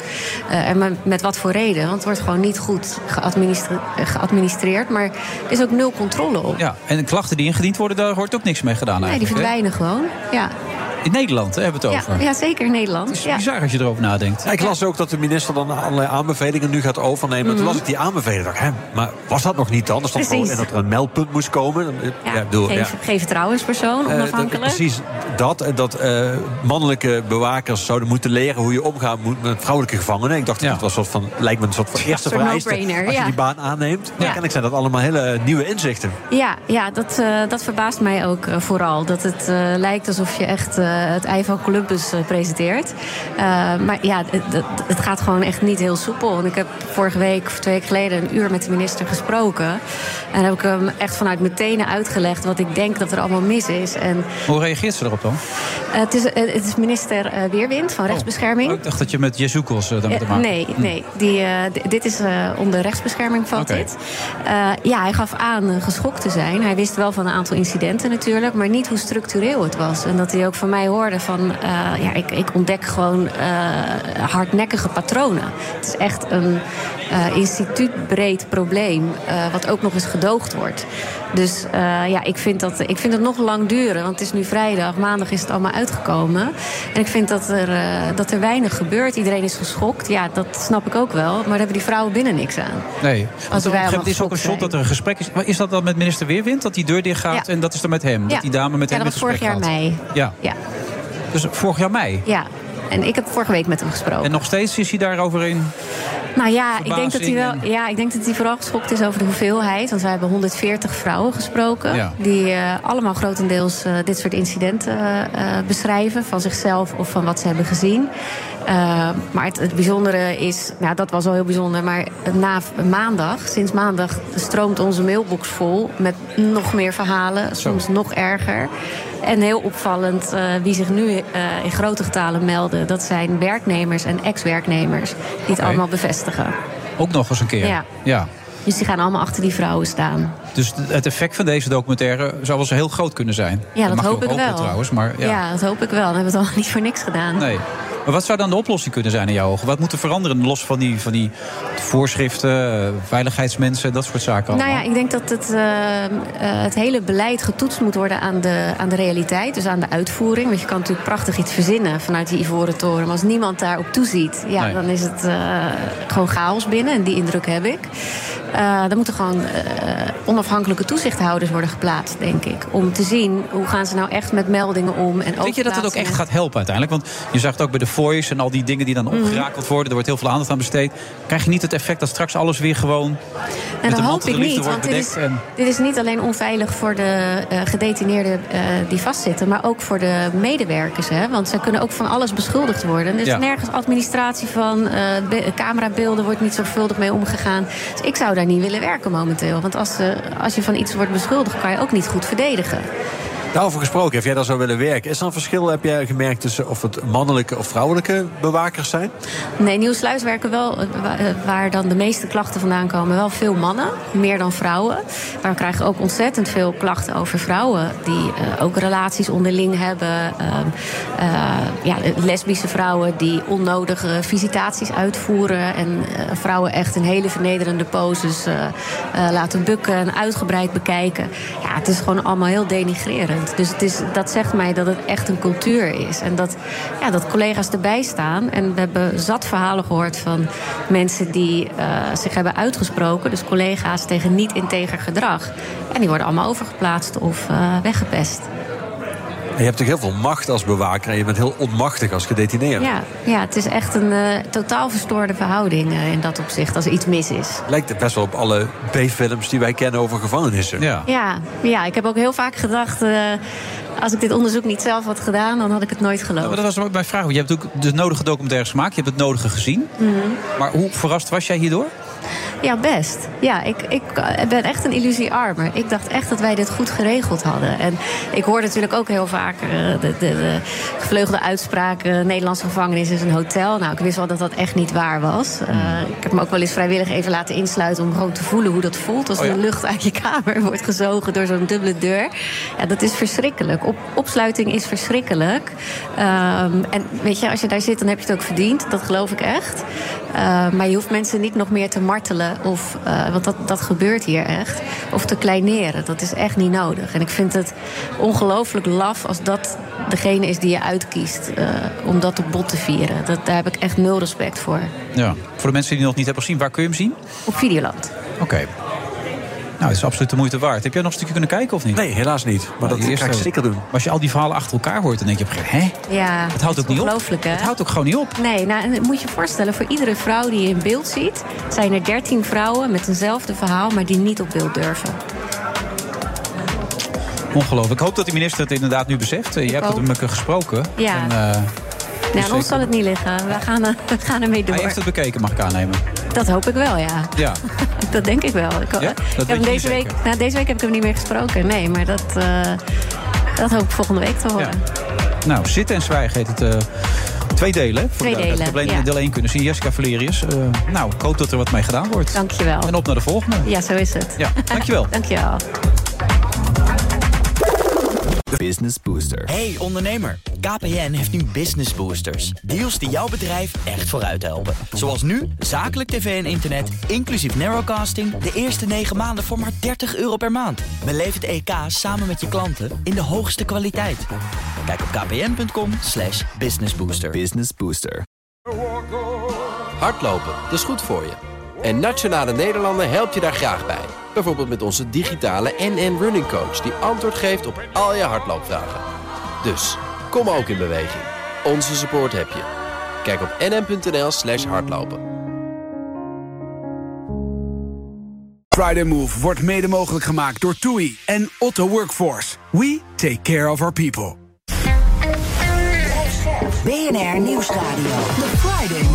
Er is ook geen melding geweest van grensoverschrijdend gedrag. Maar het kan nooit kwaad voor Oekraïne. Nou, toch eerder op andere dingen bezuinigen dan op hun autogebruik. Dat zit toch wel heel diep. Wat wil het CDA? Ik vind dat pure, pure intimidatie. Wilfred. Potverdorie, weer het laatste half uur van deze uitzending van de Friday Move. En we zitten in de Sky Lounge van Tuno in het eh, Ruby Emma Hotel in Amsterdam. En u hoort het, de mensen zijn in grote getalen langsgekomen met deze bouwput. Die uiteindelijk zal veranderen in een prachtige Sky Lounge. Maar dat is pas in september. En inmiddels kan ook de man, die naast me zit, Leon van Donschot, er een beetje doorheen kijken, Leon. Ja, dat moet je steeds beter. Hè? Ja, je ziet het wel. Hè? Voor je, het- Ja, het groeit terwijl we hier zitten. Echt een lounge. Het staat ter plekke. Ja. Hey, wie kan er goed schrijven in jouw vak? Noem er eens een paar. Eh, Zeker als het gaat om boeken zoals jij ze maakt. Zoals we over Ronnie Flex of over Rico Verhoeven. Nou, zijn wel veel. Michel van Egmond ken jij zelf. Die heeft een boek geschreven waar jij een belangrijke rol in speelt. Vind ik Nou. wel de manier van schrijven en ook van aanpak die me wel aanstaat. Eh, ja, zijn wel, zijn- wel vrij veel eh, journalisten goed. Ik vind biografieën vind ik vaak een beetje lui. Ik vind tegenwoordig heel veel mensen die gaan tegenover iemand zitten, laten hem leeglopen. Die begint dan van ja, ik ben- geboren en ik veel verder uit Noord of Almere Zuid. Of ergens daartussen. En dan eh, op het eind, en toen was het gisteren en dan werk je de band uit, dan heb je een biografie. Dat vind ik niet Ja, echt dat een wilde je bij Rico ook niet. Die was toen 28 toen jij begon. Je wilde het rijker maken, toch? Met Rico Precies. toen. Ja, en eigenlijk Rico. de man die nu is aangeschoven, die tegenover mij zit... die vind ik niet alleen stilistisch heel goed... maar die heeft ook een aanpak die daarop lijkt. eh, die eh, gewoon meegaan. Gewoon veel meegaan, veel Ja. bekijken, veel observeren. En dat wordt uiteindelijk een boek. Nando Boers, hartelijk welkom. Ja, dankjewel. Ja, het plan. Ja. Hoe team Jumbo-Visma de beste wielerploeg ter wereld werd. En daar heb je behoorlijk wat tijd in gestoken. Mag je geruststellen. Ja, vier jaar. Vier jaar van je leven. Ja, ik heb in de tussentijd ook nog wel andere dingen gedaan. Maar eh, ik ben wel, ja, ik ben er vier jaar geleden mee begonnen. Drie jaar gevolgd en een jaar, nou iets minder dan een jaar eh, schrijven. Maar drie jaar gevolgd, want ik had het er ook in het begin van deze uitzending met Leon over. Het zat onafgebroken in zijn systeem. Was dat bij jou ook het geval? Ja. Ja, dat is, daar ga je mee. je- Ja, dat, ja, je gaat wel op vakantie, maar dan, dan moet je toch even nog een wedstrijd kijken. Of je bent, eh, ja, de telefoon gaat. Nee, dit, dit laat je niet los. En ik denk dat dat ook moet. Ehm, ah ja, zo- als ik in Paradiso sta, dan denk ik niet eh, hoe zou het met Jonas Vingegaard zijn. Maar dat, zo, Nee. zo overdreven is het nou ook weer niet. Maar het is wel, ja, het is, eh, je moet er eh, all in, eh, om dat Engelse woord maar te gebruiken. Ja. En, en thuis wordt dat op waarde geschat, neem ik aan, hè? door Dionne de Graaf, jouw vriendin. Ja? Dionne, ja. Ja. ja. Zeg je nou expres Dionne? Ja, ik zal ze altijd door elkaar, die twee. ik niet hoor. Nee, jij niet, maar dan zou jij een probleem hebben. Maar zie, jullie zijn niet de enige die het door elkaar halen. Eh, nee, maar nee, dat, eh, daar is ruimte voor. die snapt ja, dat. Ja, net zoals dat ik snap dat zij nu eh, niet in Nederland is, maar in Bilbao. Ja. Nou ja, die tour die gaat beginnen. Zeker. Dus, eh, mooi man. Ja. Ehm, je mocht erbij, maar je mocht er ook echt bij. Ja. Jij mocht er trouwens ook echt bij. Hè? Je hebt ook alles mee mogen maken. Ronnie, dat vertelde je. Hij kwam dan binnen de kleedkamer en niemand zag dat hij binnenkwam. Dat vond ik een geweldig verhaal. Niemand had geen enige interesse in jou. Nee, ja, dat, dat is de negatieve uitleg, maar dat is ook van deel waar. Maar niemand stoorde zich ook aan mij. Nee, nee maar dat is het. Dat is het ik heb een, eh, Jonas Vingegaard heeft. Dit klinkt een beetje. Er is ook een Deense vertaling inmiddels. Ja. Daar Cool. heeft hij een woord. Heeft hij- wat zeg je? Dankjewel. En die heeft daar een voorwoord voor geschreven. En toen vroegen ze ook aan hem. Ik heb de vertaling natuurlijk van dat voorwoord gezien. eh, hoe was Nando? Wat, eh, en eigenlijk zei hij. ehm, ja, hij was er wel. Maar ja, ik heb niet heel veel. Ja, ik heb af en toe wel met hem gesproken, maar niet. Nooit in de weg lopen. Dus je moet er wel zijn. En Ja. wat, wat, Leon zegt ook. Je moet er zijn, je moet kijken, eh, je moet wachten. En als iedereen op iets duikt, dan moet je de andere kant op lopen. Want dan moet je gewoon denken, ja, waar iedereen is, daar hoef ik niet te zijn. Want daar is iedereen. Dus ja, dat, eh, dat, dat is eh, eigenlijk les 1. Gewoon wachten en dan een dag later. En die, die mazzel moet je ook hebben, die ruimte moet je hebben. Eh, maar je moet het ook eh, willen durven. Hoe dat is dat? best. Nou, het is namelijk heel. Kijk, op het moment dat iedereen van uit, in de journalistiek eh, naar één bepaald eh, plek rent, naar een voetballer, dan is dat het nieuws. Omdat iedereen dat doet. Dus iedereen belt daarna met de eindredactie. Ik heb de man gesproken. Het is helemaal in kannen en kruiken. Dan wordt dat allemaal uitgezonden en dan is dat het nieuws. Maar als je dat dus niet doet, moet je dus of aan iemand uitleggen... of later moet blijken dat je toch een betere keuze hebt gemaakt door iets anders te doen. Heb je vaak de goede keuze gemaakt? Nou, ook wel eens niet. Maar Ja? dat weet ik dan weer niet. Nee. Dat is dan het mooie. Ken je dit wat hij zegt? Ja, zeker. zeker. Ja, er is ook wel een verschil denk ik, tussen da- dagbladjournalistiek of, radiojournalistiek en eh, eh, een langer project werken. Of nou voor een tijdschrift is of vooral voor een boek. Jij hoeft niet die dag het nieuws te maken. Eh, Je bent met iets anders bezig, wat verder weg ligt. Dus je kan ook denken, dat is nu heel belangrijk, deze 10 minuten. En vandaag waarschijnlijk ook nog. Maar overmorgen al niet meer. Eh, maar dan moet je, ja, het, is wel, het, is het is moeilijk, want het is ook groepsdruk. Dus als er 60 mensen om iemand heen zijn, denk je dat waarschijnlijk is dat toch iets interessants aan de hand. Nee, en je hebt natuurlijk ook de ruimte dat als het, in, als het een soort eh, tractie krijgt, dat hele verhaal, dan heb je nog twee, drie dagen later, dan kan je na een week kan je ook zeggen van joh, kijk je er nou zelf naar terug? Wat is er nou eigenlijk gebeurd? Eh, toen leek het daarop. Maar ik bedoel, die ruimte heb je dan ook. Ja. Eh, ja, tot en met de laatste week dat je gaat schrijven. Want dan, eh, of dat, dat, dan, dan is dat het. Maar je moet wel proberen, tenminste dat probeer ik in ieder geval altijd, om ja, alles eruit te halen wat erin zit. En dat, kijk, deze, ik kreeg die vraag in 2019 of ik met die ploeg iets wilde gaan doen. Dat kwam vanuit de ploeg uit. Ja, dan is er, maar ja, er zijn er een paar dingen belangrijk. wil ik wel doen, maar dan wil ik ook alles zien. Want anders... Ook echt alles dan, hè? Ja. Ja. Dus dan is het... Kijk, zij zullen ongetwijfeld wel iets hebben achtergehouden. Maar als ik vroeg van... joh, moet je luisteren, jullie hebben nu video's met tactische analyses aan jullie renners gestuurd. Kan je die mij, met mij delen? En dan deden ze dat. Eh, zij moeten wel vertrouwen hebben natuurlijk dat ik dan vervolgens niet dat eh, de wereld ingooi. Ja, maar eh, hij heeft niet één keer gehad dat ze zeiden... dit is off the record, dit kan je niet meegenemen. Heb je dat een paar keer wel gehad? Ik heb een paar keer gehad dat ik. Je moet je voorstellen dat ik luisterde, meeluisterde eh, in teamsvergaderingen, dus in online in corona. Ehm, dat zij tactische dingen aan het bespreken waren. eh, en die, en die, en die, of of ehm, persoonlijkheidsontwikkelingen van mensen. Er, gaat, er wordt vier uur lang gesproken, dan met eh, twintig man. Ja, dan maakt iemand natuurlijk wel eens een keer een keiharde grap over iemand. Ja. Ja, dan krijg je na die aflevering, na die krijg je wel eens een mededeling. Het zou fijn zijn als je dat niet doet. Kijk, en mijn overweging altijd is, is raakt het, als het de kern van het boek aantast, dan, heb, dan gaan we erover praten. Als ik denk, ja, dat iemand een ander even een grap maakt over dat hij, eh, weet ik veel, over zijn vrouw of over iets wat hij gezegd heeft. Ja, dan, dan, dan is dat niet belangrijk. Maar is er nog ruimte voor grappen? Het is zo serieus, hè? Zoals die wereld in elkaar is gezitten. Eh, ja, er is wel wat ruimte, maar niet heel veel. Nee, hè? nee, nee, het, is, het, is, het is topsport en dat is eh, heel Ja, maar op een manier die je natuurlijk... Daar is bijna geen ruimte meer voor verbetering. Het is zo strak allemaal. Met dat voedingsschema. Maar alles is gewoon zo afgemeten. Ja. Nou ja, dat er is lijkt wat- bijna geen ruimte voor menselijkheid ook op die manier. Nou, dat zou ik niet willen zeggen. Ehm, maar ehm, het, is het, het is het hoogste wat, zij, wat er op dit moment in, in wielersport is. Ja. Tenminste, dat is zoals ik het zie. Kijk, ik heb niet gekeken hoe het bij, op hetzelfde moment bij Ineos of bij eh eh, UAE... Of die, dat, bedoel, dat weet ik niet. Nee. Eh, ik heb alleen gezien wat zij doen. En ik zou dat zelf niet willen. Ik zou niet in zo'n wereld hoeven werken. Op die manier. Ik Je hebt heel even meegeholpen, zag ik ook. Hè? Je hebt even wat dingetjes moeten aangeven. Ja. toch? Pakketjes Ja. en zoveel Ja. pakketjes. Nou ja, dat, die vraag. Ja, je bent, je dat was in de, tijdens de tour alleen hoor. Dat, Ja. Toen was ik mee eh, vier weken lang. En dan zit je gewoon in het, ja, laten we zeggen, in het schema. Tegenwoordig eh, dieper dan in de appgroep van de, van het team kom je niet. Ehm, en op een gegeven moment, ja, dan moeten toch twee mensen een boterhamzak aangeven, zullen we Hmm. zeggen, aan Steven Kruiswijk. Want die moet ook gewoon eten. Ja, dan kan je wel zeggen, ja, ik ben onafhankelijk. Maar dan kan je ook denken, ja, dat moet je gewoon doen. Je bent gewoon even onderdeel. En ook daarvoor geldt weer, op het moment dat het niet de kern aanraakt, eh, aantast van waar het over gaat, vind ik dat je dat kan doen. Ik kan niet elke dag doen. Je moet het nee. Nee. nee. En als het niet hoeft, dan doe je het niet. Nee, zou je het gedaan? Je hebt het ook gedaan. Ja, maar ik, ik, als- ik ben met Rico mee geweest naar Thailand en China... toen hij daar moest trainen voor een wedstrijd. En ja, dan staat hij eh, met, met Dennis Krauwel, zijn trainer, eh, in, in de hoek. En dan zie je een, een, een partij aan het draaien, of een proefpartij, zeg maar, aan het sparren. En dan heeft hij iemand nodig die even water in zijn mond giet. Ja, ik vind het ook heel raar te zeggen, ik ben je biograaf. Ik ben niet voor het water. Je, je bouwt ook een vertrouwensband op. Dus Ja, het is gaat wel het- ver, hoor. ja. Nee, kijk, als het alcohol was geweest, had je problemen Oh, mee het niet gedaan, water, eh, ja, Zeker alcoholvrije wijn, weten we nu. Ja. Maar eh, ja, daar hoort er ook een beetje... Ja, die ander vertrouwt jou. en, en ik vind ook wel dat je een soort punt moet komen waarop het zo natuurlijk is dat je daar bent. En niet de hele tijd op je strepen gaat staan. Omdat je dan opeens, als het je uitkomt, alleen maar de biograaf bent. Dat, dat hoort ook dit bij. Ik heb ook wat van Ronnie, denk ik, dragen. Of, eh, dat je, je bent ook een beetje een hork, vind ik, als je dan... Weet je wel, er staan twee gitaren in een kleedkamer. Jij loopt naar buiten en je pakt hem niet, want jij bent een boek aan het schrijven. Dat is ook een beetje een, een beetje een lul. Ja, ja, dat is inderdaad heel raar. Nou ja, dat geldt hier, hier ook voor. Ik Ja. bedoel, en zij hebben, en zij hebben als wederdienst hebben zij mijn koffer de hele tijd eh, door heel Frankrijk meegenomen. hè. Nou, Allemaal nee, ik heb nooit van mij gedaan, dus dat vind ik toch heel knap. Moet je nagaan. Maar ik had dan wel weer, dat vond ik dan wel weer mooi.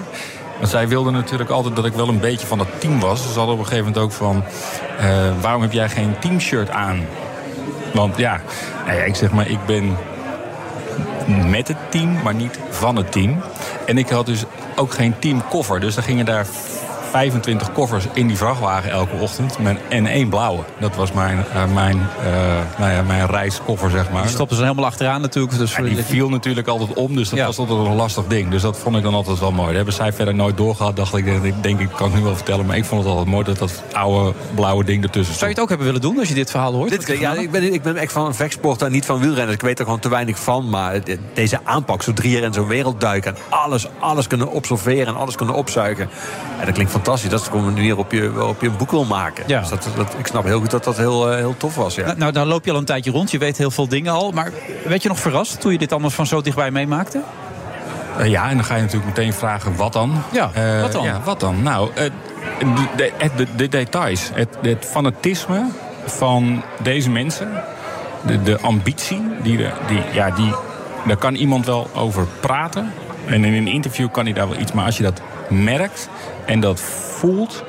En iemand, Marijn Zeeman zegt op een gegeven moment nadat eh, eh, eh, Pogacar in 2020 de Tour wint op de laatste dag. Ja, met die hij- tijdrit toen. Ja, en hij vertelt dan op een gegeven moment wandelen wij over de hei in Bussum. Hij woont daar vlakbij in de buurt. En hij, hij schokt eigenlijk over die, die schelpenpaadjes daar zo.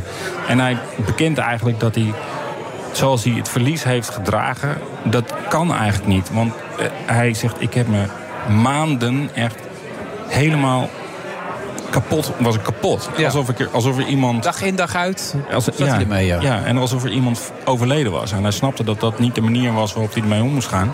Ik denk niet dat hij... Hij heeft er veel van geleerd. Ik denk dat hij nu heel veel stress heeft. Eh, een dag voor het... ehm, ja. Ja, dus die, die, die, die, die ambitie is, eh, is, is, is niet normaal. En, het, en wat, ik het, wat, ik, wat ik ook verbazingwekkend vond, wat ik altijd hoopte dat ik zou zien, was ehm, dat er een ploeg, wat, zij, wat ik knap vind van mensen, is als ze zichzelf de kernvraag in hun werk eh, weten te eh, formuleren en vervolgens daar ook iets mee kunnen doen. En ik bedoel ik zie je kijken dat je denkt, waar heeft die man Nou ja, het ik zag ook in die. In, in, in- in- eh, hoe worden we de beste. Hoe win je een wielerwedstrijd? Dat hij Nou ja, bezig dat- gaat ja. met. Van wat, wij zijn, nou- wat zijn wij nou eigenlijk aan het waar doen? staan we voor? Wie zijn we? Ja. Wat hebben we nou al die jaren eigenlijk gedaan? En eigenlijk, en dan durven zeggen, ik weet het eigenlijk niet. En dan aan het werk gaan. Ja, ik wil dat wij in essentie beter begrijpen wat wielrennen is. Dat, Ja. dat is wat, wat zijn uitgangspunt was. Dat is best kwetsbaar, toch? Zeker. Als je al een tijd in het wielrennen zit, zeker. Ja, nou ja, en dat is dus ook mooi om daar, als daar onderdeel mee van, eh, te zijn. Kijk, toen ik merkte dat dit, ja, dit speelde zich in begin 2022 af. Ja, dat dacht ik wel, ja, dit is het begin van het boek. Als iemand, eigenlijk, want eigenlijk zeg ik natuurlijk hiermee, oké, dit is op pagina, weet ik het, 22, zegt hij dat. Eh, 13. de- 13? Ja. ja. Het nummer bestaat, is niet meer in de Tour, hè? nummer 13, wist je dat? Ja, Eh, oké. is vandaag bekend geworden, dat doen ze niet meer. Maar hij zegt dat, en eigenlijk zeg ik daarmee natuurlijk impliciet van... Hey, als, je dat, als je die andere 350 pagina's door gaat lezen... dan weet je wel straks wat wielrennen is. Nou weet ik niet of dat, of dat ook zo is als je het boek hebt gelezen... maar dat, is, dat hoop ik in ieder geval wel. Was het ook besmettelijk? In de zin van bijvoorbeeld met eten. Die mensen zijn obsessief met eten bezig. Met het tellen van hun calorieën. En met ook net voor een wedstrijd het hele voedingssysteem eigenlijk wil omdraaien. Ja. Merkte jij aan jezelf dat jij, als je dan thuis zat achter je bordje... dat je er meest naar keek en dat je dacht... Oh, Nee, niet, niet thuis. Kan dit wel? Nee, nee niet, ja, onder, onder road een beetje wel. Dan ben je, let je daar wel, want je eet in dezelfde ruimte. Dus je ziet, maar zij hebben een aparte tafel waar een weegschaal staat en zo. En wij aten allemaal van het buffet af. Ik weet wel van een eerder project, waar ik ook een wielen, dat is uit 2009, heb ik, lang- heb ik een, 2008 heb ik een wielerploeg, klein wielerploegje, wat nu DSM is, was toen klein gevolgd. En ik merkte dat ik toen ook veel ging eten. Dan ging ik echt ook ook in, dat, ook in die restaurants, dan dacht ik, ja, dit, ik moet de hele dag moet ik met die lui op pad. Hmm. Wanneer krijg ik weer een boterham? 15 kilo zwaarder voltooide jij je boek. Nou, zoiets bijna wel, ja. Maar, Maar je moet- voeding is wel cruciaal trouwens, als ik dat Ja. zo lees. Ja. Hoe ze in bepaalde periodes minder vezels gebruiken... zodat ze minder vocht opnemen Ja, en dus, zo? nou, ja, dus als je, dat, is, dat doen ze dan voor een eh, belangrijke, bijvoorbeeld een, een korte etappe of een, of een klimtijdrit. Ja, dan kun je wel net zoveel gaan eten als dat je zeg maar Parijs-Roubaix moet gaan rijden de volgende dag. Maar daar met die energie heb je helemaal niet nodig. Nee. Eh, dus zij, zij kwamen erachter dat als je gewoon. eh, minder eet, maar ook minder ve- vezelarmer eet, dan, en die vezels houden vocht vast. En daar kun je dus een half kilo, eh, als je daar vier dagen van tevoren mee begint, dat is in- dat hebben ze in de Tour ook gedaan. Als je daar vier dagen van tevoren, ik dacht dat het vier dagen was, maar in ieder geval een, een beperkte tijd mee begint, dan begint je vocht wat je hebt vasthoudt, wat je vasthoudt, wordt minder. Nou, als je dat een half kilo bergop scheelt in die klimtijdrit bijvoorbeeld, of in een, in een tijdrit waar je maar een half uur ja, dan dat scheelt enorm. Absurd, hè? Dit soort details. Het gaat nergens over meer. Gaan ze dan nou wel een keer naar de wc als ze vezels mogen eten? Zoiets, ja. Maar wat ik bijvoorbeeld ook... Ik zei, vorig jaar was die, was die, ehm, eh, die tijdrit. En toen vertelde Mathieu Heijboer mij, de dag daarvoor... dat ze nieuwe schoenen hadden eh, voor tijdens de tijdrit. Die waren 3 mm dunner aan de onderkant. Waardoor ze 3 mm lager konden gaan zitten. Waardoor ze minder wind zouden vangen. En dat scheelt net weer? Hoeveel Ik- seconden? nou, nou, niet geen seconde. Want dan, dat wordt, maar het is al die kleine dingetjes bij elkaar. Ja, Heb je het indruk gekregen dat dat ook echt scheelt? Of is dat vooral dat het in hun hoofd scheelt? Je kan je ook natuurlijk zelf dingen wijs maken. Nou ja, ik denk dat het, ja, dat kan. Dat zal ongetwijfeld meespelen. Dat het een fijn gevoel is dat je, dat je absoluut voorbereid bent. Dat zal ook een hele hoop druk geven. Want als je het dan verkloot, dan heb je het ook zelf gedaan. Maar ehm, ja, kijk, als een, als een wielerwedstrijd van 300, 3500 kilometer beslist wordt op 21 seconden. Ja. Ja, dan, zal, dan is elke seconde, halve seconde is er één. Nee, dat ben ik met je eens. En het is, het, tegelijkertijd is het ook meedogenloos. Hè? Als uh, Roglic uit de ploeg weggaat op een gegeven moment... of als Tom Dumoulin wegvalt... dat Semen ook zegt, ja, het is jammer... maar het is misschien wel beter voor het uh, groepsproces, voor, de, voor het team. Ja, en zij zegt daarbij ook beter voor Tom. Het is beter voor iedereen. Ja. En ik denk dat Tom daar wel, het, Tom Dumoulin hetzelfde over denkt. Um, of heeft gedacht. En ja, het is, het is hard. En ja, zo'n tour, ik bedoel, Roglic op die ochtend... Uh, ik sta er naar te kijken op zo'n ja, zo'n parkeerplaats bij zo'n hotel. Het is, het is om, om, om 8 uur s ochtends is het al 32 graden, dus je weet dan nog niet waar je het zoeken moet. En dan, ja, dan loopt die jongen voorbij. En zij moet, over 10 minuten gaat hun bus naar de start. Die is uh, drie, drie uur rijden verderop. Dat was ja. ook nog eens een keer ver weg. Ja, dan is er gewoon een moment, ja, dan kun je lang wachten. Maar op een gegeven moment moet de ene moet linksaf en de ander moet rechtsaf. Ja, en, en dan, dan is het gewoon klaar. Dan gaat je ster op dat moment. Ja, ja. en dan uh, ga je hem nog eens een keer bellen s'avonds. En dan hoop je dat hij opneemt. En dan, maar ja, dan ligt Steven Kruiswijk alweer in het ziekenhuis. En dan, omdat hij op zijn snavel is gegaan. En dan, ja, dan... Het gaat, gaat maar door. Dat is topsport, hè? En Parijs is nog ver, dat soort teksten allemaal. Zeker, ja. ja. die staat er niet in, denk ik. Niet. Nee. Vond je het moeilijk dat je veel hoofdpersonen had? Uh, ik, ik volg één man. Dat is ja, voorzichtig. Nee, ja, nee, ja, dat is wel lastig, ja. Ik bedoel, ik ben, uh, ik ben nu bezig met, uh, samen met Tom Dumoulin om een boek te maken over zijn wielercarrière. Dat is wat dat betreft eenvoudiger. Kijk, hier heb je met zoveel mensen te maken, met zoveel verschillende... Ja, het gaat over eten, het gaat over hoogtestages, het gaat over mensen die bij de ploeg hebben gewerkt, nu weg zijn. Uh, dus het is, ik heb voor dit, om, voor dit boek heb ik wel een whiteboard gekocht. Om het overzicht een beetje te houden. Ja, ja. ik, kan me dat heel nodig. goed voorstellen. Ja. Ja. ik had een, wel een soort heel schema over hoe ik, hoe ik alles, alle uh, laten we zeggen, uh, ik had een, ook een mapje met hoe ik zeg maar alles goed kon vinden. Dat ik dacht, oh ja, als ik nu, als het gaat over, nou ja, ik kon het op allerlei manieren vinden. Ik kon het op naam vinden, ik kon het op onderwerp vinden, ik kon het op datum vinden. Nou ja, het is wel een, uh, was, het is wel een gedoe hoor, zo'n boek maken. Dat lijkt me ook. En toch ook heel fijn als ik jou mag geloven, Leon. Zeker, maar ik heb nooit een whiteboard hoeven kopen. Ik kan nee. me voorstellen dat dat een nieuwe grens is voor jou. Ja, ja dat moet in je kamer staat. Ja, je moet ook wel, dan moet je ook aparte stiften voor hebben. ja, dan moet je wel de juiste stift hebben ook. Zeker. Moet er ooit weer een keer af natuurlijk allemaal. Ja. Wat, wat, is je verwachting voor dit jaar voor het team? Mm, dat vind ik moeilijk om te zeggen. Omdat uh, ik heb dat team, uh, de laatste wat ik heb meegemaakt was 2022 in de evaluatiesessie. Uh, ja, ze zullen ongetwijfeld goed voorbereid zijn. Want als wel, de ja, afgelopen ja. jaren dat gedaan hebt, dan ben je dat nu ook. Um, ja, en het, het, het, er is niemand die mij tegenspreekt over de ondertitel. Het is het beste team ter wereld uh, wat wielrennen betreft. Nou, ze gaan morgen van start. Dus uh, er is, uh, is één ding te winnen en veel te verliezen. Ja. Waren zij tevreden eigenlijk? Wat, over het boek? Ja. Eigenlijk weet ik het niet. Ik heb nog niets gehoord. Dat meen je niet. Het boek is ook net uit, hè? Jawel, maar... pagina's. Ja, maar ja, ze hebben jou gevraagd. Ze hebben mij gevraagd, ja. Maar uh, ik, ik, ik, weet het nog niet, wat ze ervan van vinden. Oké. Okay. Dat komt, dat komt wel. Ze hebben belangrijke dingen te doen dan een boek. Ze moeten uh, weten ja. rijden. Wat is dus zelf je gevoel? Wat zeg je? Dus zelf je gevoel van alle boeken die je hebt gemaakt? Ja, dit was wel het moeilijkste project. Ja. Maar ook wel het mooiste. Ja, ja, dan doet die andere allemaal weer tekort en wat er komt. Ik vind dit was heel bijzonder. Ja. En ik heb, en ik heb wielrennen van dichtbij mogen meemaken. Ik had het niet willen missen. En ik heb een ongelooflijk veel mazzel gehad dat ik bij de ploeg zat die de Tour won. Ja, ja heb je alles gewoon. Val je met je neus in de boter. Is dat ook een beetje exemplarisch voor die wereld dat je niks hebt gehoord? Je zou kunnen zeggen, het is ook op zijn minst attent om die man die daar vier jaar van zijn leven heeft gestoken, even te laten weten wat Ja, hij ik vind, niet zo, ik vind het niet zo'n belangrijke vraag. Ik, ik ben eigenlijk meer benieuwd wat de lezers ervan vinden. Want die moeten het op die manier. En zij zijn denk ik al veel verder. Ze hebben weer eens andere dingen. En dat is ook, ik vind het ook prima. We zijn bezig met het volgende plan. Maar dit is het plan van Nando Boers. Overal te verkrijgen op dit moment. Zeker. Goed dat je er was. Tweede en derde druk komt er al aan. Dus, Hier, eh, moet je nagaan. Nou. Tom Dumoulin is jouw nieuwe project. Wat is jouw nieuwe project eigenlijk, eh, Leon? Vakantie.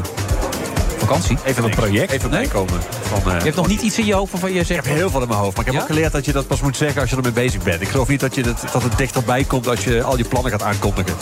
Dus ik, ik vertel het pas als ik, als ik eraan begonnen ben. Ja. Ik ben niet bijgelovig. Ik geloof niet dat het ongeluk brengt. Maar ik geloof ook niet dat het een, een project dichterbij brengt... als je dit voor de daken schreeuwt wat je allemaal nog gaat doen. Ik wil voorlopig eventjes genieten van dit en eh, even vakantie. Ja, dat ik lezen. Nadat Ja. als je veel, ik weet niet of dat met Nando ook zo is... maar nadat als je veel schrijft is dat je minder leest. Dus mijn stapel te lezen boeken is heel hoog. Die wil ik eerst even gaan lezen allemaal. Ik wens je veel succes mee. En dit jaar dus 50. En het beste gaat nog komen. Ik hoop het, van dankjewel. Ja, goed dat je er was. Heel leuk vond ik Jij ook, Nando. Dankjewel. Doe er goed aan Dionne. Dat zal ik zeker doen. Ja. Die ga ik vanavond nog Dat is even Dionne. Aha. Nee, Nee. Nee, Dionne. Nee, die, ik ga Dionne niet bellen, Dionne wel. Ja, oké. Ik zal de groeten doen van Wilfried. En wij zijn, ja, die ken je vast nog wel. En wij zijn de volgende week weer met een nieuwe uitzending vanuit de Doubletree in Amsterdam. Tot dan. Die jongeren die zijn eh, boos, eh, voelen zich ook eh, miskend. Nee, er is ook geen melding geweest van grensoverschrijdend gedrag. En ook niet van bijvoorbeeld woedeuitbarstingen. Omdat er ook heel veel eh, sympathisanten bij eh, zijn gekomen. Mensen die eigenlijk helemaal niets met Farmers Defence Force gemaakt, te maken hebben. Maken hebben. Ik vind dat pure, pure intimidatie. We gaan ons helemaal leeg laten lopen op het CDA. Want de ketting is zo sterk als de zwakste schakel. En het CDA is de zwakste schakel. Ja, dat is, het is de vraag hoe groot dat verschil nu eigenlijk is. Ik, ik vermoed eigenlijk dat dat in het, eh, in het dagelijks gebruik niet zo gek veel uit gaat maken. Het gaat om eh, 45.000 banen. Het gaat om eh, bankiers, handelaren, zeg maar, en ondersteunend personeel, met name dat. Wat een pijnlijke situatie om wederom over hetzelfde te debatteren. Dat kan toch niet? We kunnen toch niet een jaar laten zeggen... och, nou, dat is toch jammer. Weer geen perspectief. Ik vind dat pure, pure intimidatie. De Friday Move wordt mede mogelijk gemaakt door Otto Workforce en TUI. Live happy. Hardlopen, dat is goed voor je. En Nationale Nederlanden helpt je daar graag bij. Bijvoorbeeld met onze digitale NN Running Coach... die antwoord geeft op al je hardloopvragen. Dus, kom ook in beweging. Onze support heb je. Kijk op nn.nl slash hardlopen.